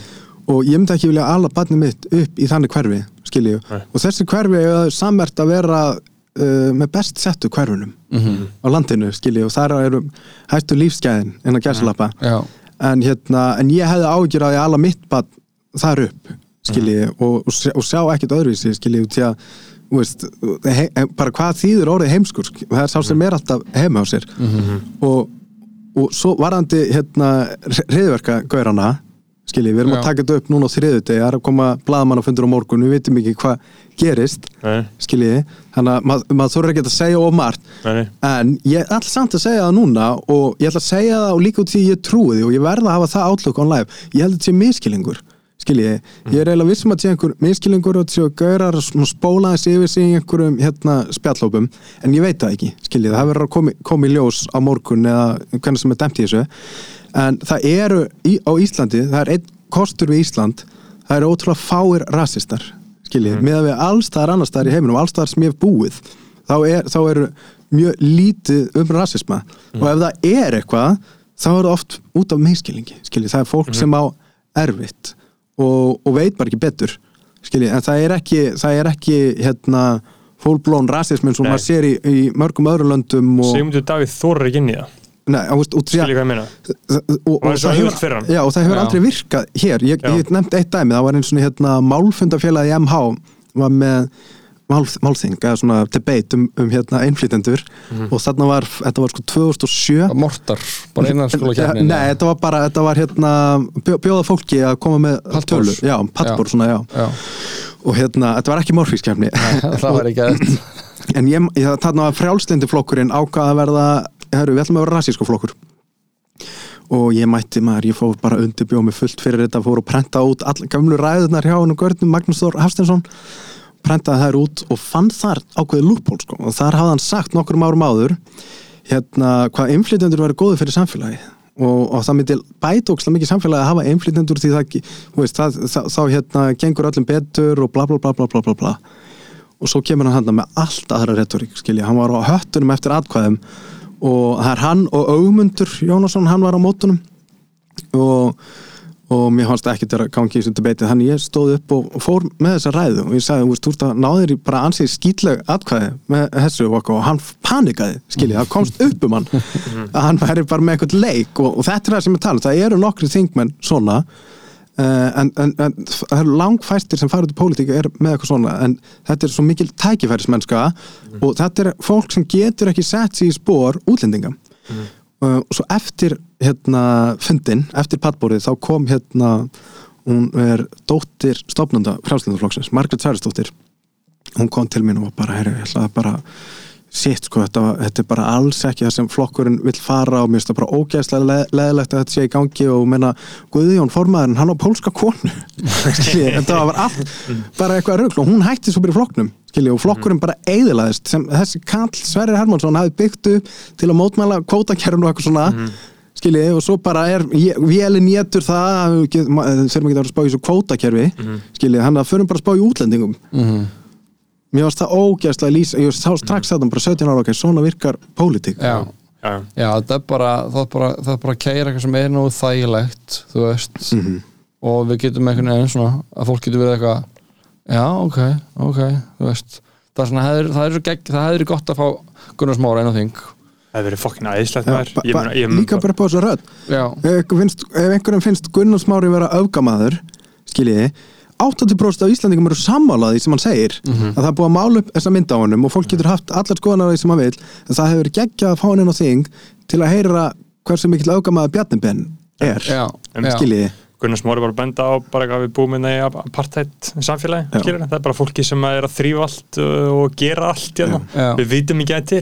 Það er bara ósynlega fólkið. Það er bara fullkomlega ósynlegt, þú sér þetta bara kannski út að lappa og þau eru í reykingabásu Og- en svo er alltaf verið að segja við þig sko, að það sé ekki stjettir á Íslandi og þetta er mantra sem er búið að segja við mann sem, að var pínu lítill skiljiði, og líka bara það að tala hérna með íslenskum reym ég, ég, það tók mig ótrúlega langan tíma að fatta hvað það er mikið ký hérna, því á Íslandi er bara einn reymur Mhm. skiljiði, það er kannski norrlenski líka en það er aðalega bara einn reymur eh, við, við Íslendingar horfum á Netflix þætti og við föttum ekki að það er verið að mála upp alls konar karaktera þarna eins og Bodyguard, hafi ekki séð hann þátt Bodyguard, Mhm. já. það er ráð þeirra hún talar bara Queen's English og svo kemur Einmitt. Bodyguardin og hann talar einhvern Já, veginn eins og skásir já. já. Og hérna og, þa og það er magnað hérna fyrir breyta, en við erum miklu lengur að kveikja á því og því að það er hluti af hérna ríkinu sem er verið að slá í, í, í, í augun okkar skiljið að, að það sé ekki stjettir inn á Einmitt, einmitt. En það, bara, uh, það sem að er svo spennandi við þetta allt saman er að Ísland er að breytast svo ógeðslega mikið og heimurinn er að breytast svo ógeðslega mikið eins og ég hitti Gæði Sundi sem að var að tala um það að uh, Snæfellsnes Jökull var í hjarta uh, alheimsins að pumpa út öllu og hann var að tala um að Ísland var heila eiga og hann var bara blessuð af almættinu til að vera leiðtóið the new earth. Hann var bara að tala um þetta og, og tók dæmi að bara í allri mannkynnsögunni bara frá Ísland var numi hérna, 874 fyrir það var þetta til og sérna voru einhverjir írskir munkar bara að konga sig í gang skilurðu, þú veist, og síðan gerðum við byggðið hérna og síðan liv, fengum við að vera hérna bara óáreitt í 1000-1200-1300 ár. Það var enginn að koma að fokk í þessu. Það ge- gerðist ekki. Uh, jú, Tyrkjaránið það gerðist þarna uh, 1630 eða eitthvað, eitthvað mm og það var alveg hefði, alveg pæli, bara vestmannegar gaur að koma, pull up. Hella. taka 260 manns. Pæli í Taka- fokkin hella. Fara síðan í djúbavok, annarskip taka 100 manns þar. Fara með þau til Alsýr og Marakó þú veist, þeir bara bókstælega tókuð já, já, og, og, og það sem hellast að vita er að þeir voru með info skilur, það var einhver þú veist, vissu Insider. hvað þeir átt að fara. Já, já. þú veist, heima að besta byggðin á Íslandi Það þarna, var eitthvað bara- rat. já, það var rat, það var rotta. Eða það var hollendingur eða englendingur sem hafi verið hérna áður og var að gefa þeim það. en það eru líka til teóriur um, um að það sé Ísland, íslenskur bara svona últra landra, já. sem, að, sem að bara fucking einhver algjör wormstang sem að bara, sem, sem að seldi þeim þetta, skilur en þessi ímyndingu hvernig hefur verið heima í. Bara 200, byggur 500 manns þannig, 260 manns teknir.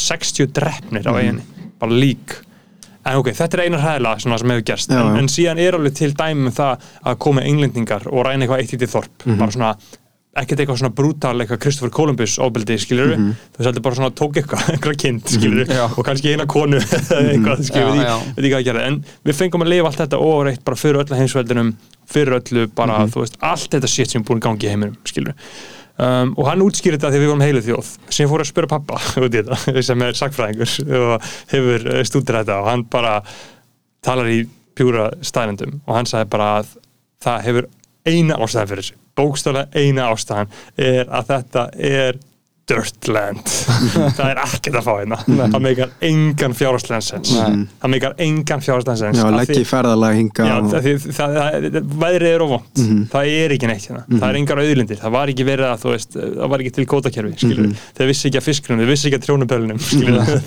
þeir voru ekki á þessu. Það Kannski var, að pod- podcast Já, við vissum ekki öllum öllum þessum efnilegu podcasturum sem að við erum að rækta þarna uh, veist, það, það var ekki til. Það, mm. það voru engar economic forsendur fyrir þessu. Og þess vegna var þetta látið vera. Þess vegna var kom, jú, Danir komu inn en þeir var alveg sama skilur, þetta, Það skip, var svo fokkin sama þetta, þetta skipti á ekki neinu máli. En núna er New World Order að skiptast svo bara stakkaskiptum, það er alltaf að breytast Gaur. Bill Gates er að kaupa upp allt Indland skilur, Já. þú veist, og er bara eitthvað að fucking gelda einhverja stráka í Eþjópíu, skilur, þú veist, hann er á einhverju other shit Er hann að gera það? Svo hef ég heyrt.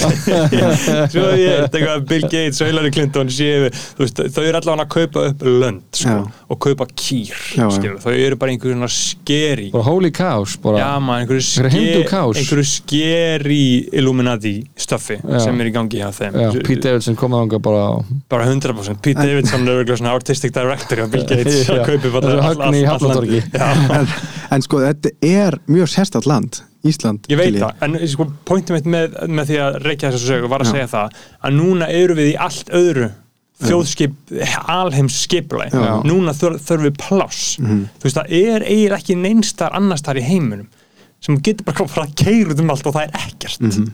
skilja hvað ég meina, það sé auðn það er bara tónt, það er bara tún þú veist, það er bara endalaust af landi og endalaust að gera. Og síðan er einhver ís að fara að bráðuna skilur, sem er að fara að breyta einhverju fokki miklu. Og það er einhverju illuminati jarðfræðingar sem að vita að því skilur, sem að vita að gera það. Þú veist, það er svona Trump bara að kaupa Grænland skilur, þú veist. Þess vegna er Putin að keira sitt þess vegna er Putin komið herkildu skilur, það eru alls konar forsendur að fara gjörsamlega umturnast hérna en sko það, það sem ég finnst mest uh, ótrúlegt við Ísland er menningin skilji og, og það sem er til hérna og, og við getum kallað þjóðmenningu skilji að það, það, mér finnst þetta sko einstakt í heiminum og hvert sem ég farið, það er úst, hverfi minnsta hverfi í Berlín er samt stærra en Reykjavík skilji, fle, fleira fólk. Hverfi sem ég bjóði það var jafn margir á, á öll Íslandi. En, en það sem hefur gerst hérna í popkultúr undanfarin, undanfarin áratugi skilji, mér finnst það vera einstakt í heiminum og við sjáum núna bara, ef við tökum bara kvikmyndatónskáld sem dæmi skilji að við erum að verða einhvers konar svona bara It City, bara Hollywood fyrir kveikmyndatónskátt Já. hér. Og það er fólk í pínulitlum herbyggjum einhver staðar í þingkoltunum að semja hérna lög fyrir Hollywoodmyndir. Og, og þetta er eitthvað, veist, það eru sumar þjóðir sem hafa fattað, ok, popkultúr það verður okkar dæmi. Skiljið, Suðu Korea bara mj- mjög stert dæmi. Já. og svo sjáum við bara hérna Squid Game og K-pop og, og Parasite og allan pakkan CIA agent er hann að stóra bandið. Já, það eftir? nákvæmlega. Já. Já, það eru fokking agendar sko. það er ekki spurning sko. en, en þe- þetta er það sem við þurfum að halda utanum á, á Íslandi að verða ekki homogenous mm. e, e, ímyndaðu ykkur bandaríkin. Skilji bandaríkin sem uh, maður sér í bíómyndum gegnum 2000-öldina og bandaríkin sem maður sér í sjónvarstáttum þegar við erum að alast upp skilji það er, það er öðru, veist, Jay Leno er ekki alveg að samendil og King of Queens skilji, þetta er sitt hvort landið basically, California og New York eða eitthvað sem gerist í Suðuríkinum en það er að verða svo homogenous bandaríkin. Og við sjáum að fólk útskrifast úr mentaskóla og fer í eitthvað annað fylki í, í, í hérna háskóla og svo gift, giftist það einhverjum og fer í þriðja fylki og svo hittast allir bara eins og ári í Thanksgiving. Þannig að allir kultúrin hafa búið að svona skera bara mjög svona einsleitan finnst mér, Já. einsleitan það er bara eitt tungumál, skilja að Evrópu þá tala innflytendur sín tungumál. Það er búið að þurka út bara þýsku og hollensku í bandaríkjunum, spænskan er hérna, going strong Já, já, hann heldur þessu. skilji, og popkultúrin er að gera það. Og þetta er líka bara vinsælasti tónlistamæðurinn í, í bandarækjunum bara Bad Bunny þú já, það er bara- nákvæmlega. Já, Cardi B nákvæmlega. Já, en, en, en þetta verðum að passa að gerist ekki á, á Íslandi Mhm. skilji, og það gerist auðvitað smátt og smátt með netinu en mér finnst ókslega leðilegt ef að það verður allt einsleitt. Og það er stundum, veist, það er ókslega auðvelt að hafa svona áhyggjur af hérna, ungu fólki eða hvernig allt er í dag en ég sé alltaf svona bara eins og kom í bylgjum. Og mér finnst stundum eins og við séum í núna í svona sveitabæla bylgju skilji eins og var þegar ég var að byrja í mentaskóla þá var svona sveitabælabilgja, það er ekkert margir tónlistamenn að spá í að fara út að spila exporti, við erum mjög mikið að syngja á íslensku og það er út af tækni framförum það er Spotify og allt í hennu er hægt að fá pening fyrir músikina sína, mm. skilji það var alltaf að tala um enga geislablötur, en allt í hennu fá tónlistamenn actually eitthvað borgað. Mm. skilji, ég hef seldi fullt af blötum og var alltaf mjög erfitt að fá borgað. En ég vil samt, þegar ég var í mennskóla skiljið, það er alltaf geggjað en, en það var það samt ekki. En þegar ég var í mennskóla þá var, var það, þú veist, þú fórst inn á kaffibarn og þú ættir helst ekki að þekkja lagi sem var í gangi sko. það var ekki sjans þú getur sungið með, það var bara eitthvað minimal techno eitthvað frá og það voru allir í einhverjum hérna, vintage fötum sem engi, þú veist, það, þú vissir ekkit hvað skýrt þetta væri eða þannig. Við erum núna komin á staðar sem að fólk, þú veist, þú kaupir þér ákvæmna skó og þú tekur myndaðum og þá ertu komin inn í eitt mengi, skiljið, neistan er orðin svo óksla stert og þetta er alveg svipað og var hérna 2003, 4, 5 skiljið, þegar það var diesel eða voru sveitaballaböndin þannig að ég er óksla spenntur að sjá hvert íslensk dægumenning hver næst mm skiljið, og það þarf ekki endilega að hugsa alltaf bara hérna uh, í þessum hefðbendurlisturum tónlist og, og kvikmyndir og eitthvað svona. Ég er líka allt í einu mjög mikið að spá YouTube bara YouTube sem listform, ég er að skoða YouTubera sem er að gera vídeo, ég er að skoða gauðir sem er bara með vídeo, bara þamneilega bara hér ég er að mála iPadinans pappa minns gæti, bara, gæti verið bara óksla boring vídeo, svo smelt maður á og það er bara eins og að horfa að gegja það stuttmynd klippingin, sagan, bara allt sem er í gangi. Og þessi gauðir er bara skyrocketing. Og því það er eins og maður sé að horfa á eitthvað listaverk. Og ég fór að skoða hérna hverju eru vinsælustu YouTuberarnir á Íslandi. Skilji, og ég held að ekki. Það er Kaleo, nummer eitt Já, Kaleo er bara bara subscribers, subscribers, já. já, já. og þeir hafa náttúrulega verið bara mjög mikið að gera hérna, flott content, skiljið sem bara talar nákvæmlega inn í þeirra hóp en samt sýnir Ísland. Nummer tvö er Sorel ástrálsk stelpa sem býr hérna á starf á Suðurlandi. Og, og hérna bara með miljón subscribers. Og með eitthvað bónda já, já, og svo kom já, nákvæmlega, hún bjóð svona bóndabæði svo koma alls konar, skiljið, það er hérna í- íþróttafólk, eða, þú veist, það er svona stjörnur sem er kannski þekkta fyrir eitthvað annað og líka daðifræðir og, og, og, og svona stórna öfnum björk. En svo er að koma líka fólk sem bara hefur atun á YouTube og er bara að gera veist, það er, það er hérna eitt sem er körfubólta sérfræðingur.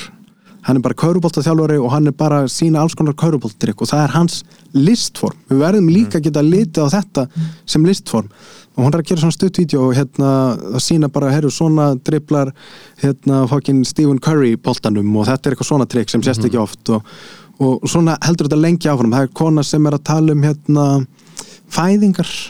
Hún er að lega fólki að hlusta á hérna heartbeat og svo er hún að taka óléttu próf á, ne á netinu mm. skiljið og ég er ekki endilega að segja að allt þetta fólk er að fara inn og er eitthvað, "Heyrðu, ég er að fara að gera eitthvað listaverk skiljið, en það er ógslag gaman sem svona veist, að vera að spyrja sig hvað er list? Og getur, er þetta eitthvað mm ákveði listaverk sem ég er að horfa hérna? En svo á ég líka til að festast á YouTube skilji og það er svo hinn hliðin á tenningnum Já, þetta er já. líka bara content Mhm. þú veist, og þá er það orðið content það er ekki að gefa mér eitthvað. Já. Já, með þess að Þetta ógæslega erfitt orð sko, content, ég er einhvern hefur, hefur aldrei sæst við það? Nei, og maður, maður á ekki að nota það skilji, maður á að segja bara list og Já. reyna að gera hluti á listrannan hátt mm skilji, Já, já, algjörlega sko. Og anna og veit það ekki, mér hefst einhvern veginn svona ég var að ræða þetta bara áðan með, með, hana, með listaháskólan þú veist það sem er, það sem er alltaf búið að gerast. Þú náttúrulega byrjaðar í, í, í skólanum og, og, hana, og varst langa elstur já, ég var langkvæmstur og, ég, og hvað, þú veist hvað 30 ég var, ég var 29 ára. 29 ára, já, já. því ég fór hann 2013, þú veist, þá var ég yngstur og ég 21 já, einmitt. Og hann og með þess að svona á Íslandi svona bæði einhvern veginn útskrifustu við einhvern veginn of seint en samt og snemma þú Mhm. veist, það sé svona sett uppi á þessu þú veist, séum í tíu ár þú veist, það er að fólk krakkar sér saman í skóla sem eru, þú veist, bæði 6 ára og 16 ára meikar kannski bara engan sens Mhm. og síðan einhvern veginn krakkar sem eru 16 ára og 20 ára meikar heila heldur engan sens eða þú veist, kannski meikar 6 og 16 meira saman, þú veist þetta dæmi að við séum einhvern veginn nú búið stið þetta sem náttúrulega var glæpsanlegt þannig að því að þannig að má, má ekki gera breytingu á að fólk sem að það sé haft meira á þeim mm uh, en það var skautaði við það. Þannig að Já, ef við glemdu að, checka því. Mm. já, og Þetta er að hafa mjög vond áhrif á tónlistanám. Fólk hættir fyrir á hljóðfæri því að eru mikið stress í framhaldsskóla. Já, Já, og til hvers, þú Mhm. veist til Til að þess fara að, fyrir verksmiðnar já, að þú veist Senda e-maila. og síðan er þetta bara einhvern veginn he, hefur þetta alltaf þau áhrif að þú veist bæði eins og bara með svona list þar sem að hann uh, þetta ekki að, að ég, ég einhvern veginn hugsa ef ég hefði farið of snemma inn í og kannski er þetta líka öðru í þú ert í svona, þú veist, kannski er öðru í að fara til mér bara sviðsöndanám eða á leikarabraut eða fara í sko að fara í á klassiska klassiska braut í svona, svona flutningi í listaskólanum versus það að fara í tónsmíði eða þú veist.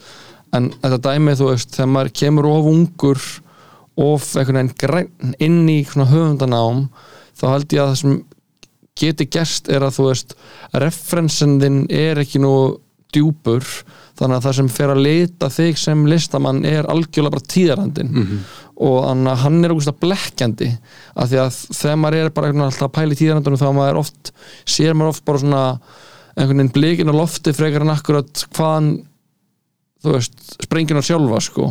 Þú veist, hver er að búa til fokkin uh, raketuna og hvað hún kemur og af hverju einhverju er að sprengina núna þú veist, við horfum bara upp í heiminum og sjáum ljósinu og maður eitthvað, ég, ég fíld ekki, ég fíld ekki. Ég með, þú veist, eitthvað svona þannig að þetta dæmi, þú veist, að reyna að skilja samtíma sinn sem er, sem er ógæðslega, eða þú veist, ógæðslega erfitt og þess vegna sé maður líka ógæðslega mikið í öllum kultúr í dag, eða þú veist, í, í popmenningu og netinu er þessi endalisi referensar í það sem var fyrir nokkrum árum.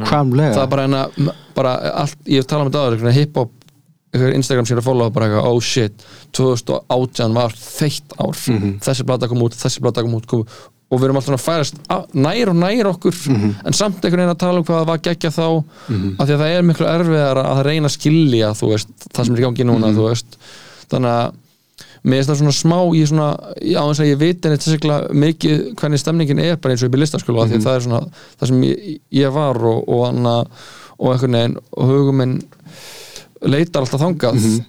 Er þetta alltaf svona að þú veist maður vonar að, að þessi náttúrulega er líka bara, er náttúrulega líka bara tískubylgjur í menningu og þessu bara, það, er bara, það er bara rosalega mikið kultúr hjá fólki sem er listafaskólan að vera ro- rosalega PC núna þú veist. Og, og sem náttúrulega bara gott að blessa upp á okkur markið þú veist. En þegar sko við förum að gera hætt að gera skil á þú veist, hver þú ert og hvað þér finnst mm -hmm. Að því að við erum daldið svona blek, blek, ma, maður er að blekka sem maður segir eitthvað svona eða ég spyrir hver er þú? Já ég er hann að uh, svona og ég er svona og ég er svona og með þetta og með þetta. Og maður er svona já ok en þú svarar aldrei hver þú ert eða þú veist þannig að Ég, ég, ég, er með tvö sent þarna. Það, það, er eitt með listháskólan og svo annað með hiphop sem Mhm. við talum og ég ætla kannski að byrja á hiphop og koma svo í, í listháskólan uh, ég held að veist, við erum ofta að spá í einmitt popkultúr og hvernig það þróast og ég held að tækni hafa ótrúlega mikil áhrif miklu meira áhrif að maður heldur skiljið, bara að, að, að hafi komið taktmælar inn í upptökustúdíu og þá var diskotónlist til skiljið, þegar autotune kemur þá var einu til artistar sem hefðu aldrei getað sungið á sviði áður. Þannig að það er alltaf svona framþróun, þú veist, poplögur fjórar mínútur út í það var það sem komst fyrir á sjötómu vínarplötum já, já. Og ég held að er þau 1 mínúti og 50 sekund já, já. út í það kemst fyrir á TikTok Já, vídeói. En, en ég held að hip-hop hefur haft alveg gífuleg áhrif á þennan endurvinnslu kultúr Mhm. út í grunninn er hip-hop tónlistastefna sem byggir á endurvinnslu skilja að sampla eitthvað. Já, og svo kemur hérna kerfið og fokkin gæin í jakkafötunum og við erum að takla þetta ok, já, við erum að gera einhver lög um hvernig má sampla og hvernig ekki skiljið? Og píratar hefur vilja afnema höfundarétt. Þú veist, ég er ekkert endilega sammála því persónulega, ég fæ stefgjöld skiljið, en ég skil alveg pælingun og því á vissan hátt þá hamlar það líka listsköpun. Og, og það er til dæmis eins og hérna það var Kanye West lag sem hann var að sampla Daft Punk. Og ef hann ætlar að sampla sekundu þá eru lögin þannig að uh, veist, þá gæti hann alveg bara sampla allt lagið mm þannig að allt í nöður með fullt, fullt, fullt af lögum í útvarpinu sem eru basically lög sem kom út fyrir einhverjum áratugum síðan. Og, og þetta er, veist, þetta er bara einhver kenning, en ég sé svona fyrir mér að þetta er að seitlast út í daldi margt annað skilji, og þá, þá hérna, veist Og, og, og, og út af því ég horfa á þetta svona þá hef ég ekkert svo miklar áhyggjur að ég heldur. Ég sé þetta bara fyrir mér sem, ok, tæknin er komin hingað, þá kom svona sampling ókslega mikið inn, svo kemur Spotify og bara gulltrykkir hip-hop í sko ára tögir to come sem pop tónlist okkar tíma, en þetta er bara tæknin svo mun koma eitthvað annað en, en, en mér finnst ókslega gaman að pæla í þessu út frá hip-hopi, að það hafi haft þessi endurvinnsla já, áhrif algjörlega, en það sem ég líka veist, ég er ekki á því að mér finnst þetta slæmt eða, veist, ég tek ekki afstu með að móti þessu, þetta er bara svona tíðarandinn, þú Já. veist, en það sem er líka bara svo merkjöld er bara uh, að þú veist, kannski er það líka bara þegar maður er eldast Mhm. að maður heyrir bara First Class með Jack Harlow og þú veist, það er verið að sampla lag sem maður bara hlusta á. Já, sem maður þekkir. Já, og þú veist, og þannig að í eins og núna bara þetta, þú veist þannig að Chicago Drill fætti Breitlands verið UK Drill Já, já. fætti bandarækina aftur yfir Já, já. og er New York Drill. Og núna er bara svo ógæslega mikið stemning það er koma eitthvað svona anna, bara mikið stemning í Drill í New York og það er bara allir að, að sampla eitthvað geðveikt kunnulegt. Og þá eitthvað svona, er þetta svona, ok, jú. Já, veist, það er bara það er bara að vera að sampla eitthvað dót sem er bara svona þetta er alveg hittari, þú veist. Já. og þetta er svona smá bara eins og þú veist, ég ætlaði bara að fara að sampla bara hann að uh, bara glow, þú já, veist. já, já, fyrir eitthvað, eitthvað fólk þú veist, sem er eitthvað að hann að var á karamba og ég myndi já. gera eitthvað rapplag núna og myndi sampla glow þá myndi það að vera eitthvað, what the fuck maður, Já, já. hvað, þetta er bara eitthvað lag sem ég held að hlusta á, þú veist. En, en, en, en það er mjög mikilvægt sko að tala um þetta. Já. líka út frá því að vera listamæður og hugsa ok, er, er ég að gera eitthvað alveg nýtt, mm. -hmm. skilji og svo er það önnur umræða, er eitthvað einhvern tíma nýtt en, en mér finnst ógslag mikilvægt að pæla í þessu að vera, þú veist að eitt er að endurvinna, skilji en er ég að gera eitthvað alveg nýtt og alveg frumlegt? Já. en, en, en punktur minn er að það eru sko, þetta er bara kapitalismin sem er að valda þessu, Mhm. skilji og því að við sé fréttir hérna uh, Bruce Springsteen selur katalógin sinn til Universal. Já, future, Dylan future að gera þetta núna. Já, að þetta er gert og þá ef við þrýr værum hérna songwriters þá förum við í songwriting camp hjá Universal og þeir segja, herru, við eigum Bruce Springsteen katalógin, Já. nennið að sampla Born in the USA, það kostar okkur ekki neitt. Já. Eða, veist, við erum bara að reyna að ná sem penning tilbaka á næstu öldum Já. skiljið, Já, já. og þe þetta er bara pjúra dæm og þetta er, held ég, þannig þarf maður ofta að skilja þetta sem píratunir eru að tala um með höfundarétt mm skiljið, að vera að taka dálítið sem mörg út, en listaháskólinn mér varst sko geðveikt gaman í listaháskólanum og bara ógeðslega svona bara svona persónulega upplýfgandi og fara og vera með geðt ungu fólki og hérna, fá einsýnin í alls konar nýtt. En það eru samt vandamál við þessa stopnun sko. Og, og þess vegna ég sko sestur upp. Mm. því að mér, mér finnst mjög mikilvægt að tala um þetta að eitt, bara tæknilega sér, það er allt og margir á hverju, braut. Mér finnst það, eins og í mínu bekku við vorum 13 eða 12 sem byrjuðum. Og mér finnst þetta að vera svona fjórir skilji, fjórir sem er að fá þessa mentun, fá nægan tíma kennaranum fá að fara tóltið djúft í þetta. En, en þetta er út af hvernig kerfið er sett upp. Þú fær meira að borga, meiri styrki frá ríkinu því fleiri nefnendur sem eru. Og við og höfum ekkert að gera við allt þetta, veist, svona ógstlega mikið af fólki sem Alla er að sviðshöfunda. já, í alveg tala. Og, og, Engi vil elska sviðsönd og, og, og, og það ver- verður til þess líka an, annað er að það verður ég, stundum með áhyggjur að það verður dálítið svona einsleitt það sem kemur út úr svona stofnun. Mhm. og það, ég með geggja dæmi. Frændi minn, geggjaðu dansari bara dansar á bara stærstu sviðum á Íslandi og Eurovision, Páll Óskar bara, hvers, hann er að dansa með dansfloknum núna. Hann, í síningu ásins já, nákvæmlega. Hann vissi ekki að væri uh, dansbraut í listháskólum, hann vissi ekki að væri til dansnám á, á háskólastíði á Íslandi. Og hann er hérna af einfleitan þættum, skilji og það er fullt af fólki sem býr hinum með snorabraut sem veit ekki að, og, og, og, og, kemur ekki endilega úr umhverfunu hér sem við þekkjum hérna í, í hundru einum sem veit ekki að þetta er, til hérna. Og líka annað ef að, ef að hérna, fóröldra mínir eru hérna, útlenskir og ég ætla ekki að segja eins og neitt land þannig að fólk fær ekki að gera einhverja tengingar, þau eru að reka einhvern etnískan veitingastað og ég er að fara að segja við það, herru, ég ætla að fara í listháskólan og ég ætla að vera með trúðanef í þrjú ár mm. skiljið, þeim finnst það fáránleg pæling. Og ég ætla að borga fyrir það hálfa miljón á ári. Já. skiljið, á að ég, ég er hérna það, það bara meikar ekki sens. Þeim myndu segja við mig bara þú ert að fara í viðskiptafræði því þú ert að fara að taka yfir hann stað. Mm -hmm. skiljið og, og, og, og, og mér finnst þetta vera vandinn í listaháskólum að það koma, það er að koma mjög hérna, og það munu koma mjög svipaðar sögur út, ef við hugsaum um þessar sagnabrautir, Já. skiljið að það er að koma, ég, ég er til dæmis uh, mengin sem ég hef verið í hér á Ísland sem passa perfekt inn í listaháskólan Já. skiljiði mm. Grænaborg, Östubæðaskóli, Hamrallið og ég skil 100% húmorinn og ógslaði auðvelt fyrir mig að koma í listaháskólan og falla inn en, en mér finnst þetta ekki lægi skiljiði upp á hérna, hvaða leikrit eru sett upp hérna eftir nokkra áratu eða nokkur ár? Ég er bara núna. Já, þú veist, þessi sýning sem á himni veist, það er búið að vera bara það er búið að loka allt á, á þú veist, Facebook Já. bara síðan þessi sýning, þú veist, síðan Nína byrti byrti þannig að gaggrínuna sína á þessi sýningu það er búið að vera bara það er búið, að- þú veist, það er búið að ríkja óöld inn á menningar átökunum Facebook-hópnum. Og það er búið að vera í alveg bara mad, madness. Og við vorum enna að tókum upp á þáttina þegar þetta var bara nýbúið að droppa henni síðast þessi gaggrinni og það er búið að skrifa sko, skrifa bara setningar, bara replikur á Facebook sem myndu fylla bara, bara bóka bálk. Nei, þetta er bara rítgerð það er að mun koma rítgerð upp á þessu öllu. Veist, og og, og, og, diskussjónin þú veist, Nína komin á margt í þessa gaggrinni talaði hana, en þú veist, það sem, það sem umræðin hefur snú, snúist um er, þú veist sínleiki fatlaða að, þú veist, disabled bodies í, á svið, íslensku sviði. Og þannig að einhverjir leikarar fóru og, og, og tóku þetta eitthvað aðeins auðvitað ofni sig og, og fóru að tala um þetta að vera vanvirðing við þess að fægið að vera leikari.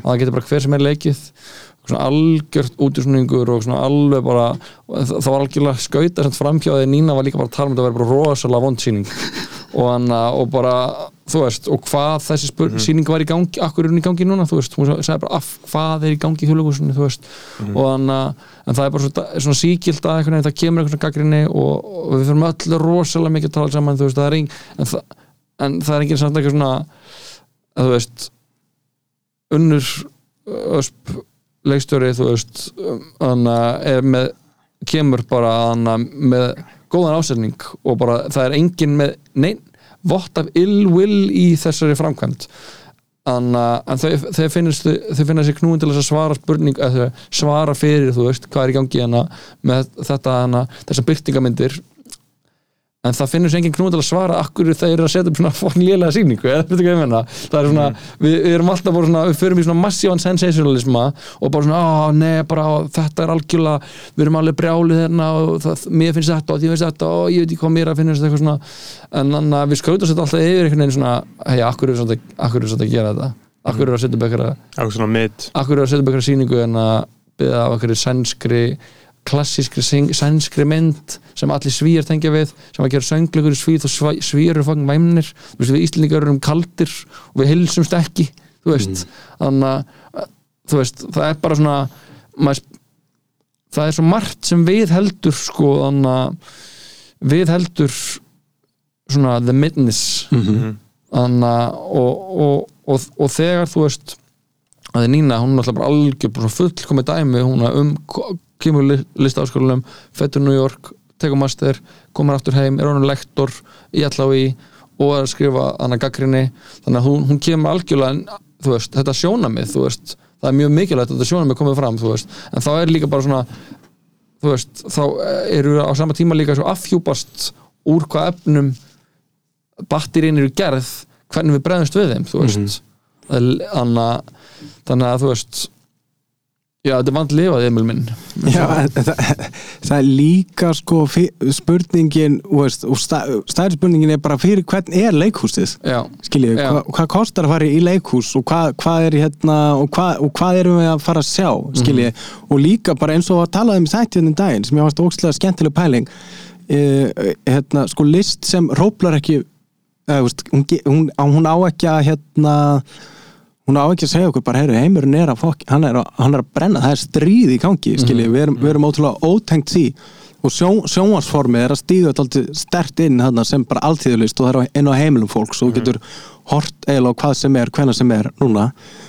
Uh, og hann er að vona að, að þar muni, muni eitthvað og, og það er að gerast, mér. Ég er að, ég vera að horfa alltaf á eitthvað sem er bara crazy, skiljið og, og það- framsækið. það getur eitthvað verið gert ég meina á Íslandi, þú veist, verbúðin hafði svona mikið að, að segja skilur, Já. það var þú veist, og það væri mjög gaman að sjá þú veist, íslenska höfunda svona, bara svona elít góða bara eins og, þú veist, Tyrfing og Kristína Eiríks, skilur, bara mm fólk sem að skilur svolítið mannlegt condition og skilur samfélagið og getur einhvern veginn tekið sín reynslu og setja í sögu og samtöl. Það væri mjög gaman að sjá uh, meira í sjónvarpi. Það er bara að vera að skjóta séri núna sem til ykkur að skrifa sko. ok, en hann, skrifa þetta sjálfur eða er hann í einhvern hóp eða? hann er í hóp, ok, hann er á fengin inn en já, menn, ég, spennt, spenntur að sjá.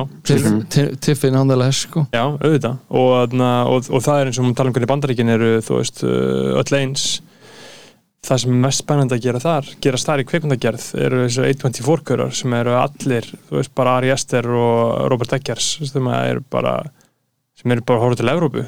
Þeir bara elska Ingmar Bergman og Tarkovski já, þeir eru að afneita bandarískir hefð þannig eru svona að gera það svolítið inn í þeirra uh, í sínu mengi Það er þannig verður eitthvað nýtt stöf og líka eins og ég fekk moment og upplöfun á tónleikunum þínum önsteinn á Húrra.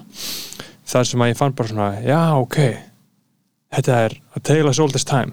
Einhver Íslendingur fer út einhvert og kemur með eitthvað nýtt fyrir okkur. Sýnur okkur eitthvað nýtt. Eins og þú gerir með tónlistinni sem að þú ert að gera. Uh, það var svolítið moment, bara vá já ég ekki sé þetta í bara eiginlega alla, alla, mín, alla mína fullónu sæfi sko. Að og ég hefði raun og verið ekki já, takk, ég hefði raun og verið ekki verið að gera þessu tónlist nema ef, ef ég farið út sko. Og, og, og, það er líka, og, og það er líka hluti af tónsköpuninni skiljiði. En, en, og ég, ég vissi alveg að það myndi gerast. En út af því maður getur aðeins tíð út úr þokunni skiljiði, það var orðið mjög erfitt fyrir mig að semja tónlist slegast á Íslandi skiljiði, og það er líka hlutaði er bara, og bara stærsti hluti er bara efnahagslegt skiljiði, ég verð að vera að vinna við eitthvað sem að færi með penning strax en ekki eitthvað lag sem kemur kannski einhver tíman í bankan, einhver tíman á næsta ári.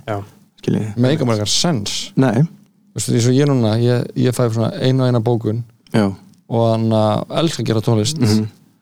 uh, en bara svona hv- hvern, eða þú veist, hvenar hvernig á maður að þú veist, ég, ég bara svona á allt sem ég fekk fyrir síðustu blötu ég, ég, ég lagði það allt í hliðar, ég á það allt ennþá bara í einhvern sparibögg til þess að geta gert næsta þú veist, En, en hver, var ekki einhver, það var einhver í, í þessum þætti að einhver tíman eitthvað umtal hérna um að sko íslenski rappar rættu að vera á rithöfundalönum? Já, Benny Erlings. Já, Benny nákvæmlega. Erlings held geggja að ræði, ég mun aldrei Nei. Já. þegar hann stóð upp hérna í eirstöð og byrjaði að lýsa því þegar hann var að raskjalla rúf og ríkisöfnuna og hann lék það svona. Já, Já, hann gerði svona því að hann talaði um að uh, þetta er fólki sem er að halda íslensku tungu á lífi. Þetta er það eina sem er að hafa áhrif á krakka á íslensku. That's it. Það er engin, þú veist, krakkarnir eru ekki að horfa á vitjanir á rúf, skilur þú skilur hvað ég meina? Þú veist, krakkarnir eru ekki að hlusta á rásætt, skilur en klak, krakkarnir eru að hlusta þeir eru að hlusta á hæra neytismjör horfa æði. Já, þeir eru að horfa æði, og þar eru við að fokka heldur betur í en, en það er eins og með músíkinu sem ég er að gera veist, þetta er ekki músík sem á, á að slá í gegn á Íslandi og, og, og mun ekki gera. Og er að, þetta er músík sem hentar frekar litlu mengi á Íslandi en mér langar samt að syngja hérna á íslensku. Skilja, það myndi meika miklu meiri sens að reyna að gera þetta á ennsku og fara að hérna, gefa út einhverstaðar annars staðar ef maður ætlar að lifa á því Mhm. skiljiði, en ég fann það sjálfur okay, þetta, mér finnst þetta vanta í hérna, íslenska músík. Mhm. og það væri gaman ef eitthvað svona væri til á íslensku. Og, ég er, að og ég skrifa á íslensku skiljiði, og fólki sem er að skrifa með mér. En, en hérna, það meikar engan sens skiljiði, og það me meikar engan sens fjárhagslega Nei, þú ert að næra sáluna þína þú ert að næra alheim sáluna Já. og það er það sem að mennir er búin að gera á þessu landi hérna. við vorum með Snorra, Snorra Sturluson sem gerði það, skilur Mhm. síðan vorum við með Átna Magnússon sem að passa upp á það er þið haldið áfram og síðan fengum við Haldur Lagsnes og síðan fengum við Björk skilur Mhm. veist, það þarf að halda þessu gangandi og þú veist, þau voru ekkert að pæla bara já, já, ég, fæ, ég ger þetta núna og fæ þetta reward fyrir þetta Mhm. nei maður, þau eru bara að þjóna sálinni, skilur þau eru bara já, að þjóna bara lífinu bara, bara virkilega bara að sína okkur what it's about bara treysta á það að þessi rétt. Þetta er eins og ég var að segja þegar unnstættin að ánum búin að taka upp sko, eftir ég hætti að vinna sem umbósmaður það er bara sálinn á mér er að lifna við Já. skilur allt í einu er ég ekki með bara svona bara svona slím þekju af einhverju svona streitu og böggi og pyrring og svona frustrasjón og svona neikvæðum tilfinningum og hugsa neikvæð samtöl í haustum á mér. Svona ég að segja fucking þetta svona George Costanza stöf skilur þú veist maður losna með það og síðan er ég bara út að labba með engin airpods og sé esjuna í fattilega lýsing og fæ bara tár í augun skilur þú færð það ekki Það er bara príkam. Já, ég bara, þú veist, ég er bara á góðu nofab stríki á gett það gerst sko. Uh, það er bara því að þú finnur að þjóna uh, sálinni þér, skilur, eins og maður sé svo fokki mikið af Íslandingum, mm -hmm. sjópis Íslandingum Guð blessa og ég horfa á bara, ó, það er búið að fucking drepið sálina. Það er búið að krasja í því sálina. Að þú þarft að lúta þessum lögmálum. Já, já. um að gera þetta að fá þennan pening. Veist að gera þetta að fá hana gera hennan sjómastátt eða gera þetta hana og þú, þú, bara drepur og þú, eiginlega aldrei aðstöðu til að segja nei, Nei. skilji þannig að það, ég, ég man ég er, ég er í svona ráðgjáfanemnir í ráðsi um tónlistaborgin Reykjavík og þetta var árið sem sko Daði Freyr hefði unni Eurovision og Hildur Guðuna vann Óskarsvölunin og ég var að segja að þetta er svolítið svona áfællstómur um tónlistaborgina Reykjavík, þetta er fólk sem fór til Berlínar til að geta Já. farið dýpra í listina og, og þetta finnst mér líka vera annar ángi af listaháskóla umræðinni að mér finnst mætti leggja miklu meiri á miklu minni áherslu á allt þetta háskóladót og miklu meiri áherslu á að gera mm skilji, og vera bara rétt af fólki bara, veist, eins og ég, ég, að, ég var að vinna við að smíða og búin að vera að smíða fullt, ég mátt samt ekki fara inn á smíðaverkstæði eða gera neitt þar já, skilji, ég átti bara að vera að skrifa og eftir eitt ár listaháskóla þá var ég búin að skrifa endalist af hérna rítgerðum um þýska heimsbygginga Já. skilji, og Wagner og eitthvað svona. En ég var ekki búin að skrifa eitt leikteksta skilji, á fyrsta ári. Og það er bara því hvernig námið er sett upp og það er allt í lagi, veist, við erum kannski að fara að útskrifa fullt af leikúsfræðingum, en mér langar að fara að, að ge- gera eitthvað, mm. skilju, segja einhverja sögur. Og, og, og það finnst mér að vera allavega bara munurinn á, og það er munurinn á listaháskólanum með myndlistskólanum, með myndlistskólanum þá ertu færðu verkstæði og ert að, og ert að gera miklu meira en ég hef stundum áhyggjur að í listaháskólanum við séum að sjálfa fullt af fólki í þetta sem þú varst talmjóðan sem er hérna hver ertu og hvað stendur þú fyrir og, og hvað getur þú skrifa hérna flotta umsókn fyrir listamannlaun Já. eða fyrir þessum styrkjum og þetta Já. og þetta og þetta og við sem listamenn, við megum ekki glemma því að við erum alltaf bara að grípa í eþurinn Já. skiljið, og við erum bara að segja herru, hérna, við erum að taka hugmynd frá Guði og koma inn í eitthvað já, form tengja við erum bara að tengja, skiljið, og vona einhver tengi þá líka við það. Það er, það er okkur einasta tungumáli í mann, mannkyninu. Það er ég fekk hugmynd. Já, hún kom til mín, já, skilur nákvæmlega. Hvaðan kemur hún, Já. skilur þannig að þe- þe- þetta finnst mér vera hérna við erum að hugsa allt og mikið um list, listamannin já. Skil ég. Ég, ég anna, í sko loka áfangunum mínum í listaskólanum sem heitir fagumhverfis frislista og þú veist ég er einhvern veginn bara elst upp hann að hérna með bannum og er einhvern veginn um, umkringdur leiklist og leikhúsi allavega og sem bara kynist í kærustum minni í MH og hún hefur aldrei farið í leikhús eða þú veist. Þannig að þar til að hún byrja með mér eða þú veist semmi þú veist og bara eitthvað svona og, og allt í henni bara svona opnast og hún bara ég er aldrei þú veist bara ekki vita hvað leikhús er þú veist og síðan bara er bara fatta maður náttúrulega bara síðan þegar maður byrjar að rappa og þá maður fara, að tala um einhvern hóp sem með einhvern veginn margir hverjir ekkert hver leik, hvað leikhús er þú veist, sem er úrst eðlilegt. En það þarf einhvern veginn að, að brúa þetta bil, það þarf einhvern veginn að því að leikhús er þetta það eru svo fá moment þar sem við erum einhvern veginn saman Mhm. að upplöðu eitthvað og við getum ekki verið í símanum þú veist, það er bara tónleikar, leikhús nei tónleikar, anna uh, bíó, þú veist, getur verið fólk er að taka upp, þú horfir á vídeo af einhverjum anna, af af, Rolling Loud í New York, það er allir með síman á lofti þú veist, og það sé eitthvað mad stemning þú veist, að það er anna, íþróttaviðbörður og, og, og, og leikhús þar sem þú ert einhvern veginn. Þeir eru, við erum saman að horfa á þetta sem gerist bara hérna og núna og þannig að það þarf að virkja það þú veist. En á sama tíma þú veist er ég að klára listafaskólinu og það er bara sagt við okkur bara svis höfunda framtíðarinnar það, mjög, það er mjög erfitt að vinna þetta. Það er mjög hana, og bara vera að fara í um styrkjadóti og það er bara mjög erfitt að fá styrk og þeir eru að gera þetta og þetta og, gera, og, svona, og, og eftir þetta sagði bara gauð sem hefur bekk bara ég er ekki að vera að vinna þetta. Mhm.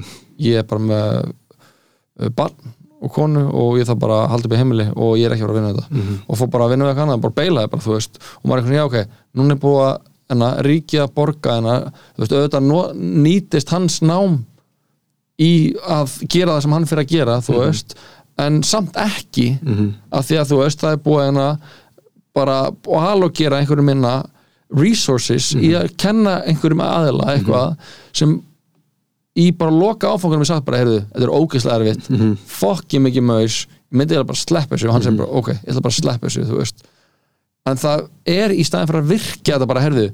Og vegna er ég svo ógeðslega þakklátt. Ég var bara að tala við hann, hann að góðum þáttar hans Sigurbjörn Sturlu, hann að rétta hann sem hann þrýtur í gær um sko hvað við vorum að tala um hvað við erum ánæðir sko að hafa byrjað að gera músík af því ég og hann vorum bara byrjendu þú veist, þú og Logi vorum með hljómsveitinni þú veist, og Haraldur og búið að vera massíf gróska í kringum það veist, við svona sliðsumst inn í þetta og það verður bara á þessu amateur leveli sem þú ert að tala um í podcastinu bara að vera óhrættur við það að skýta bara bak og gera sér fíbli og í því er svo mikið mikið hugur ekki fólkið ég bara að gera það og bara er er það bara allra annara að persífa það, þú veist, að skinja það og hva, hana, hvað er þetta, ég maður það, ég, það var bara svona, eftir ég byrja hana, byrjum við styrla alltaf, svo eftir ég byrjaði að rappa sjálfur þá var ennþá að heyra bara hvað fólk hvað er, Jóhann er hvað er hann að gera?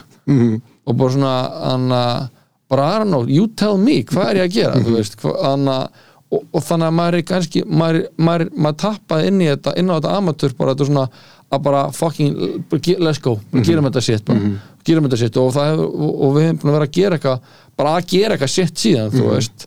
En síðan ef maður er samfæra fólkmanns í þessu eins og þessu leikustóti bara, bæði, bara vinnumann sem eru leikarar og svona, fólk í kringum mann sem er einhvern veginn, þú veist að- að fór ekki um sama skóla maður sjálfur sem er bara döðrætt við Já. við þetta Já. að bara fucking take a chance. Bara hvað er það versta sem getur gerst bara hvað, þú veist þú ert ekki að fara að enda á gödunni þú ert ekki að fara að missa fjölskyldunni mm þú ert ekki að fara, það er alltaf vera allt, það, það verður sem bara svona smá öðruvísi, að þú bara ákveður bara að segja, herru þetta liðina, það var bara að fóka sér, ég ætla bara að gera sem mig langar að gera og finna leið til þess, þú veist. Og að því að, að því að það er svona hræðsla í þessu, þá held ég að þú veist, það, það sko svona afhjúpist ákveðin svona ákveðin svona landlæg eitthvað taugaveiklun sem kannski ríkir í okkur öllum veist, sem er þetta að, að við séum séð þú veist, og við séum, gefum fólki tækifæra á að sjá hver við erum og þar lendi dæma okkur og þess vegna er frekar auðveldara að bara kjósa bara sjálfstæðarflokkin eða gera bara þetta, hafa þetta easy við skulum bara fara og gera þetta, við skulum bara borða þetta við skulum bara gera þetta, við skulum bara horfa þetta að það er bara auðveldara heldur en að þurfa að horfa eitthvað sem er skrítið eða erfitt eða þú veist, og ég einhvern veginn veit ekki alveg, Horfa Irreversible eftir Gaspar Noé Já, þú veist, ég, ég elska að horfa á þú veist, eitthvað sitt og vera eftir á ég veit ekki hvað mér fannst. Það er svo fucking holdt að vera eitthvað ég veit ekki hvað mér fannst þú veist, hvað og sér náttúrulega bara er, það, er ég bara þannig að kunni gerður að mér er líka ógustlega gaman að horfa sem mér líði bara fucking umvöla eftir að horfa þú veist, bara því ég fór henni á riff í fyrra á anna Dogtooth eftir Jorgos Lanthimos í sko í sal 2 bioparty svo það var bila loftarstilkerfi þannig að þetta er bara gaur sem er bara með fjölskyldunum sína læsta inn í húsi og er bara búin að gersanlega st- rústa þeirra skilningi á umheiminum og hvernig heimurinn virkar þau halda bara að heimurinn sé bara garðurinn þeirra og síðan bara kemur hann með gaurinn bara já, hana, þetta er kærasti einn núna nú átt þú að sofa í honum. Og bara þetta er óbærileg mynd og síðan allt í henni var hann bara búinn og það var bara 40 stegi hitti og ég bara, ó, þetta er ekki þetta þetta er þetta Já, ég var með þér og við fórum síðan beint eftir á Worst Person in the World í, Já. sa í Já, sama sal. geðveikt. Ég fór heim og fór í já, en, en mér finnst það líka vera dálítið, þú veist, bara þetta rýmis sem við erum í hérna að þetta er dálítið svona yfirskinn skiljið, þetta, er, þetta lúkar eins og eitthvað svona startup dæmi, þessi skrifstofa hérna á útarpundur og einn, það er allt í gangi og En ég ímynda mér að þetta sem einhver afsökun til að við getum verið að gera bara einn stóran gjörning og gjörningurinn er bara, ég ætla bara að gera eitthvað og ég ætla bara að fá afsökun til að gera eitthvað. Ég ætla að setja upp rými sem lítur út eins og vinnustæðar en svo er ég bara að gera eitthvað veist, og akkurat núna þá tengja fólk, tengja flestu við herri ok, það er einhver sjónvarstættir og eitthvað svona það er, það er outputið, skiljið en við gætum, skiljið, fyrir um, okkur um öldum þá gætum þetta alveg verið bara eitthvað málarrými Mhm. við værum bara að gera eitthvað en mér, mér finnst ógslag gaman að pæla í þessu þannig Mhm. að, við, við, að þessi hópur hérna, hann gerð, bjóð sér til eitthvað rými þar sem við fengum smá svona afsökum frá umheiminum út af því að þetta lítur svona nokkuð eðlilega út, þetta lítur út eins og vinnustæður og þetta er, er það, skiljið í grunninn en við erum samt bara alltaf að gera eitthvað Já, já. skiljið, og það, Eitthvað. það er svo geggja en það hræðir líka fólk skiljið, Já. og, og ég hef fundið að hérna, og fó- fólk spyrir á hvað er það að gera hann niður frá Mhm. og, og, hvað, og hérna, og hvernig gengur og eitthvað svona að það hræður fólk líka Mhm. að það sé einhverjir mættir og við erum bara að gera eitthvað skiljið, og þe- við erum að tala um kvótakerfið í mikrofóna og samt á hokkinn Þorsteinn Már ein- einhverju prósent í einhverju fyrirtæki sem á hlut hér inni Mhm. skiljið,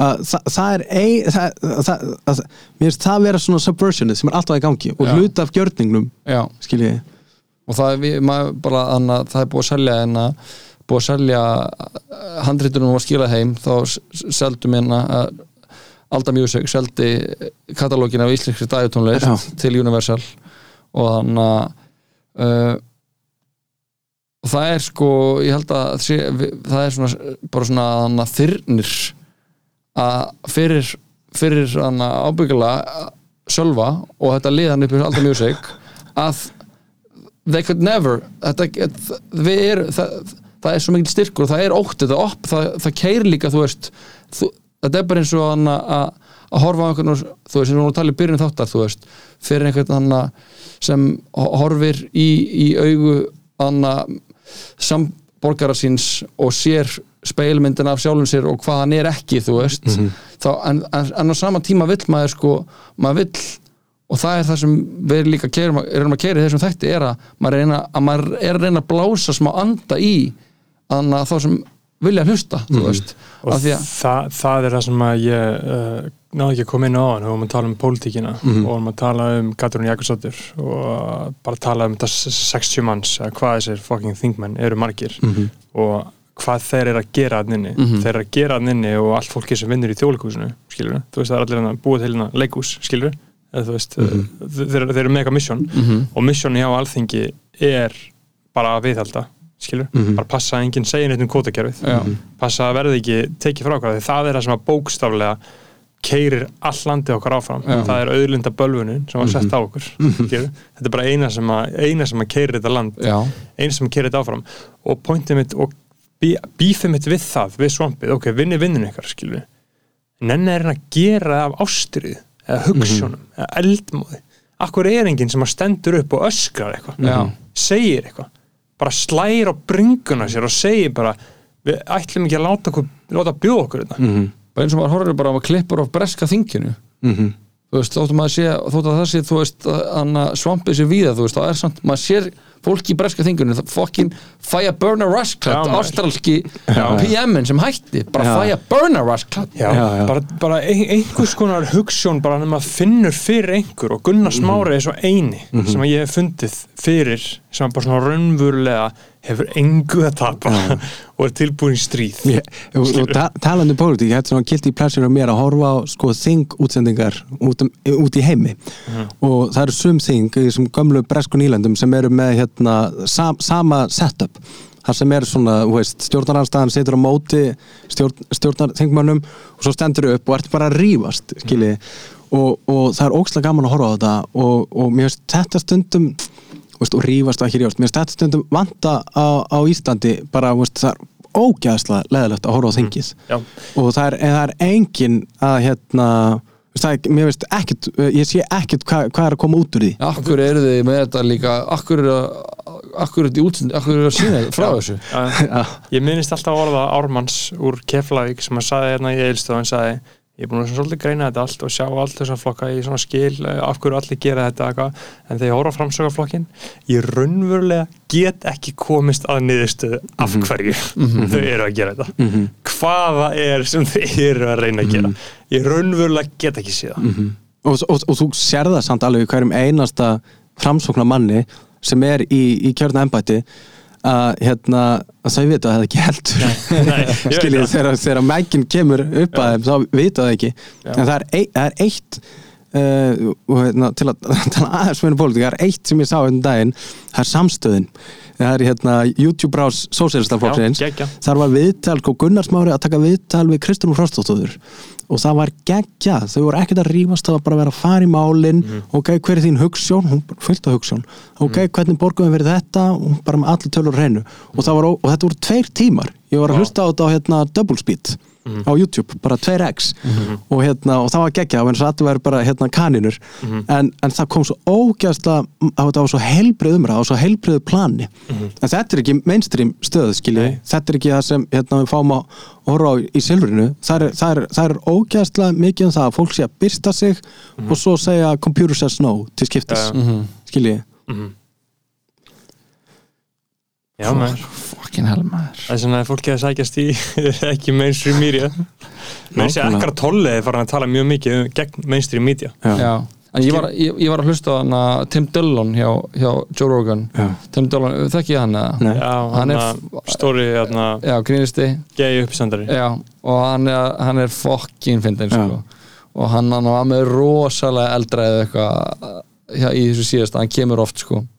Hann býr í Austin, Texas Hann býr í Austin? Texas, sko. Þeir eru já, þeir eru Já. staðan sko, og, hann, og hann var að koma eitthvað upp á Netflix núna og þar, veist þa- þeir eru svona farin að hann að að þú veist, að þessi gaur er alveg explicit sko, hann er alveg bara að lætu skítin flakka sko, og, og þeir voru ekkert að kommenta á það Netflix sem hann var alveg bara svona ok, þeir eru starting, starting to get it sko Mhm.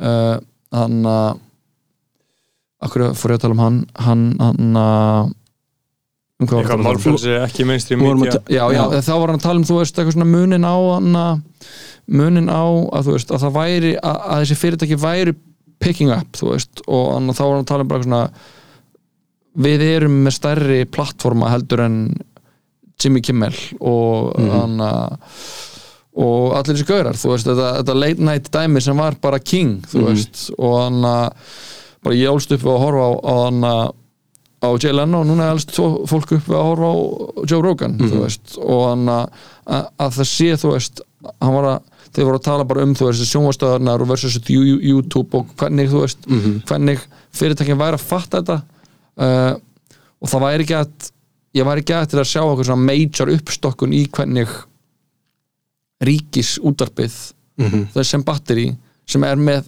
bara skildur sem eru bara bundnar í lög þú veist, hvernig þau gætu fara að sinna þessu dæmi Já. eins og á að sinna því, þú veist. Af því að það er anna, það, það er það er missionið, þú veist, að við getum ekki lengur látið eins og anna, eitthvað bara hérna fólk fætt bara eitthvað anna, 95 og upp úr sé að hlusta á útvarpið. Mér, mér, mér veist, ég var, ég var að tala um listaháskólan stofnum sem ég þekki ágætlega. Svo ég, ég get sagt svip, svipað með, með rúf þú veist, ég var nokkur ár uh, mér fannst alltaf vanta þetta basically bara þetta, nákvæmlega þetta bara tenging við YouTube, ég sagði, herri, þið getur sett alla þættinu mín á YouTube, bara nei, við erum að reyna að fá fólk til að hérna, fara inn á spilaran veist, spilaran, hann, hann virkar ekki. Spi- hérna, þú veist, og, og krakkandi sem ég er að gera þættina fyrir, þau eru á YouTube. Veist, við erum að setja á YouTube. Og svo var þetta svona fram og tilbaka og kom engin rauk ég var að tala um einhvern nýmiðla gaurin og bara, og ég sagði bara endan, hérna, is this Germany? Ég bara tók þennan á hann. Og hann skildi ekki, hann fattaði ekki hvað ég, ég var að tala um. En mér finnst samt með rósa uh, rás 2 og, og því sem er í gangi þar núna skilji, núna er hérna Matti er orðin uh, komin yfir þar, Siggi Gunnars er komin yfir sem Já, það tólstjóri er king að fá sig ekki gunnar Já, sko. og ég, ég fór í viðtalar og ég fekk strax sendt fælin, bara allt viðtal og ég postar í alla miðla sem þú vilt Já, skilji, og þetta er það sem ríkis útvarpi á að snúast um, það á að vera það skiptir ekki máli hvar þú ert að horfa á það því þetta er bara rúf Já, þetta er ókipis þetta er Já. ókipis, þetta á að vera allstaðar Já. og öllum miðlum og miðla rétt Já. skilji, ekki, ekki Akkur er ekki bara sett safnið eins og að leggu sig inn á fucking YouTube? Höfundaréttur. Það er borgöllum. Þú veist, hann þarf bara, það vantar bara stefgjöld stefgjöld fyrir, fyrir leikaramna og alla sem koma að þessu.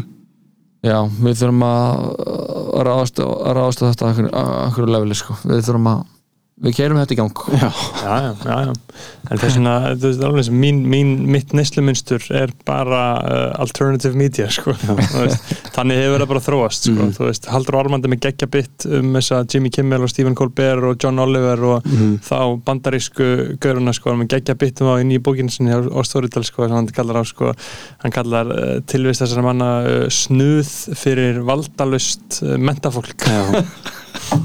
nákvæmlega þeir eru bara eitthvað, já, Trump er svo vondur já, já.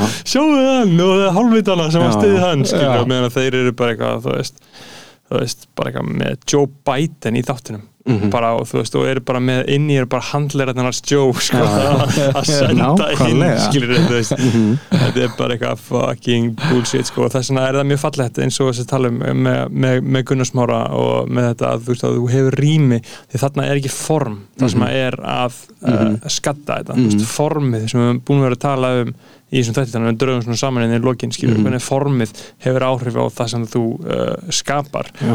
og hvernig við lifum í sko samfélagi það sem að það þú, þú það er, það er no surprises skilur, það er ekkert að gera skilur, þú veist, það sem ég held að sem akkur ástæðan akkur ég, mér finnst gaman að hlusta podcast við fólk sem ég tengi við er að þú þú ítir á play og þú veist ekki hvað er að tala um, veist, það, það er líka þetta smá eins og að á djammið, skilur já, á svona minna leveli, skilur þetta er einhver örvænting, skilur þetta, þetta fylgir ekki hefðbundnum þryggja þáttar struktúr, skilur þú veist, þetta er ekki Marvel-myndin, skilur það sem er kastaði vekki núna, skilur þú veist, og hann fari gæluna núna, skilur það er svolítið þetta sem ég held að á einhverju svona Aristoteles svona frumuleveli sem er að ríkhalda okkur við eitthvað svona efni er svolítið svona ófyrirsjónleikin en eins og Silfrið, þú veist nákvæmlega ok, þessi fara að tala núna í þrjá hann er að fara að segja þetta, síðan þessi fara að segja þetta þessi fara að segja þetta þú veist, það nennir því enginn til lengdar sko. það, þetta, þú kemur inn á þetta í þættinum hvort það var um púka þáttinum um flæði þú, þú tala um, þú veist þetta dæmi sem er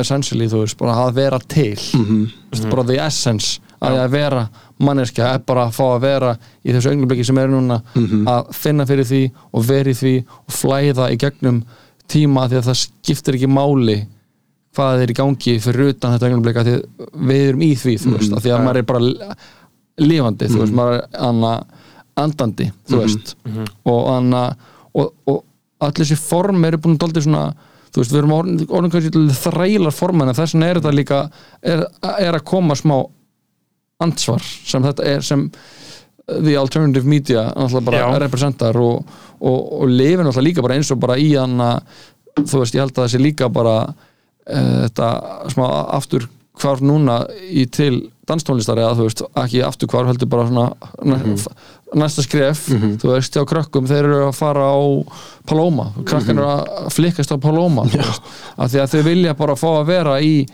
einhverju anna, smá, þú veist skipulegu kæjási, þú veist. Það sé bara, hér er bara svona tónlist og, og, anna, og þú þarft ekki að vera neins eitt eða annað, þú veist. Anna, Já, við, við þurfum líka að skapa sem samfélag rými þar sem við getum þú veist, að, að við fáum að heyra meira í krökkunum og unga fólkinu. Þú veist, það var alltaf eitthvað svona málsáttur sko að þú ert hérna, að þú ert þú ert úlingur en þú ert ekki orðin íhaldsmaður þú ert hérna, eitthvað meðaldri þá ertu heimskur eða eitthvað svona. Já, og, og veist, pappi minn, hann er geggjum fyrir mig til þessu. Hann er alltaf radikal, skiljiði og svo fær hann kannski einhverju hugmynd sem er ja, þetta er kannski, já, svona ætti þetta samt að vera eitthvað svona, ég held sem um, þá er það samt til í að ræða mm. skiljiði, og það ógnar ekki hans persónu eða heimsmynd. Og þetta, þetta finnst mér ógislega mikilvægt og þess vegna finnst mér svo gaman að vinna með ungu fólki en við sem samfélag, við erum alltaf að setja það niður mm og mér sem bara maður alveg börn skilja, gerist eitthvað í fjöra ára aldurinn þar sem að félagslega viðmið taka svona daldi yfir. Og við þurfum svo mikið að passa að krakkar geti haldið ímyndinafli yfir hennan fjör ára múr. Já. og eins líka bara tvítugt fólk, þú veist, að hafa miklu meiri rödd og, og, og, og, lei, og geta leift sér. En við erum búin að búa til samfélagi sem við erum að bæla þetta ókslega mikið niður Já. skiljiði. Og, og, og fólki líður bara eins og einhverju lúsara það er ekki búið að gera eitthvað gæðið mikið já, það er bara búið að ná einhverjum, einhverjum á einhverja pósta þegar það er orðið eitthvað ákveð gamalt studentsbró, það er bara Student. mesta skamið á Íslandi Já. Já. algjört Bókstaflega. skam sko Já. what does it mean mm. veist, bara, það er bara, þetta er bara þetta er bara limmiði Mhm. bara já, limmiði, það, þetta ætti að bara að vera limmiði þú veist, mátt fá limmiði þú getur líka lim, fullt af limmiðum bara fyrir eitthvað annað þú veist. En það, en, en, það, en það, svo er eh, koma aftur að þessum flæði og, og, og fara og hlusta á eitthvað sem er óvænt. Að mér finnst þetta gerast ógæslega mikið í sundi á Íslandi og ég held að það haldi geðheilsu þjóðarinnar Já. til til að balans, það er sundlegar allstaðar, þú ferð ángað inn þú gengur frá símanum þú ferð inn og það eru allir eins klættir basically og þar hittir oftast eitthvað sem þú þekkir og, og ert bara að spjalla um eitthvað og ert bara í flæði þar og ég held að það sé, veist, hlutaði líffræðilega er að vera í vatni en andlega líka bara að fara og gera bara eitthvað skiljiði, og mér finnst það ókvæslega spennandi. Og ef, ef ég hefði klárað listaháskólan það það verið mín svona hérna út, útskjöftaverkefni að svona reyna að gamifæja sund út í þú allir fara í sund og þú ert með þína rútínu fyrir kaldapottin þrissár og gufu til skiptis og svo synda kannski nokkur hundru metra eða eitthvað svona. Ef við getum sett eitthvað arband af fólk og það tikkar í ákveðin box setja eitthvað svona geolocation á kaldapottin og svo fær eitthvað reward þegar þú ert komin upp úr sundi. Að, að hafa það sem eitthvað síðslistaverk skiljið tölvuleikin mm. engin tölva nema bara arbandi það hef, mér finnst eitthvað svona geggi upplifun út í að við þurfum það, það verður svo gaman að ná að kjarnenda hvað þetta er sundi, þú veist, því að við Íslandingar við getum ekki farið á pub eftir vinnu skiljið, það meikar ekki sens. Nei, það væri alveg þe- þegar Retro Stefso fór til Berlínar fyrstu svona vinnudagur var að fara í ljósmynda hérna, svona ljósmyndadagur taka myndir fyrir hérna, blöð og eitthvað svona. Og svo eftir heilan dag að því þá sögðu ljósmyndara krúið þau sögðu hérna, herru, við hefum ekki að fá okkur eitt drikk hérna, hefum ekki að fá okkur bjór viljið við fá okkur bjór? Og við vorum all bara tvítuður íslensk krakka bara, wow, þau vilja bara að við förum á fyllir í við vorum búin að því. Svo fórum við, fengum okkur eitt drikk og þau fóru og við vorum svo hissa að þetta væri hægt skiljið, það væri ekki bara að fara að keiri í sig þarna. Já, og þetta gerir sundið. þunna morgun okay. já, þú veist, þetta gerir sundið fyrir okkur hér. Já, Einmitt. þetta er líka eins og var í síningunni sem hann að leikaborinn Matti gerðinni frá nokkrum- árum. Þyrfingur og Golfina og, og Haraldur og Mhm. þá var sundsýningin þar sem það voru að tala um að, að sundið mætti þessum þremur þannig að þremur, þú veist, þetta væri svona trifecta af, þú veist, andleri, líkamleri og að og uh, félagsleri Mhm. hefðum, þú veist að fá að, þú veist að næra allt trend sem er einhvern veginn svo- þetta er bara kirkjan. Nákvæmlega. Og þú veist, þess að fólk er allt er að fara í sund ég fyrir bara í eina kirkju skiljið og það er sundhöllin. Og mér finnst það ekkit gaman í öðrum lögum skiljið, mér finnst það ekkit sérstaklega gaman í Vesturbælum, mér finnst það ekkit sérstaklega gaman að fara í Kópavókslög og strákurinn rennubrautin allan tíma, mér finnst bara geggja að vera í sundhöllinni. Og það er bara mín kirkja. Og ég það ekki alla þar.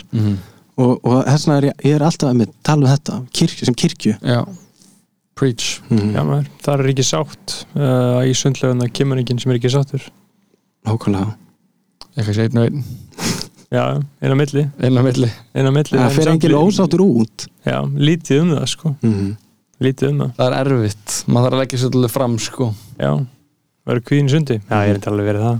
Já, you, eitthvað. you name it I've Já. been, been kvíðin þar. Já, já, örglega uh, Ég held að þetta sé komið gott hjá okkur. Já, við erum alveg búin að hérna skaut, skauta alveg vel sko. Bara yfir, uh, hitta þetta. Unst þetta ætlar að koma plötun út fyrir Airwaves nei, ég, ég þurfti að hætta við það. Já, Ok. mér finnst í, streit, streit, í streitinu sko. Já, flott. Og bara vinna aðeins betur í lögun og fá tækifæri til að spila þau live. Já, skiljið, læra, læra aðeins inn á lögin. En ég ætla að gefa hann út bara fyrstu vikuna sem það er hægt á næsta ári. Já. Skiljið, ég veit ekki hvort það verið í janúar eða februar en ég ætla að gera það þá sko. Já, ok. Og hvernig ertu að hugsa, ég meina þetta rollout? Ertu að, ertu að gera þetta út frá tilfinningu? Er þetta struktúrað? þetta er pjúra tilfinning og mjög sko ó hérna unefficient rollout. Og ég var líka að gera það með, með þáttunum en ég hef svo sem ekkert miklar ágjur að ég veit svo pikkar það upp skiljið þegar Já. fólk fer, fer, fer að koma á tónleika og, þú veist, og, og, ég er búin að halda eina tónleika þar sem þú veist, ég er ekki bókaður að koma að spila heldur við erum að halda þau sjálf með Inspector Space Time og það var geggja og þá var ég svona ok, þe- þetta er nákvæmlega þú veist, þetta er líka live þú veist, maður þarf að koma að upplifa það og vera í rými með fólki. Mm. einmitt, einmitt. Uh, byrju næsta árs uh, unnstætt, takk fyrir kona Takk fyrir mig. Uh, kæra bræðalag, guð bless ykkur. Segjum við um okkar koma á Patreon. Inshallah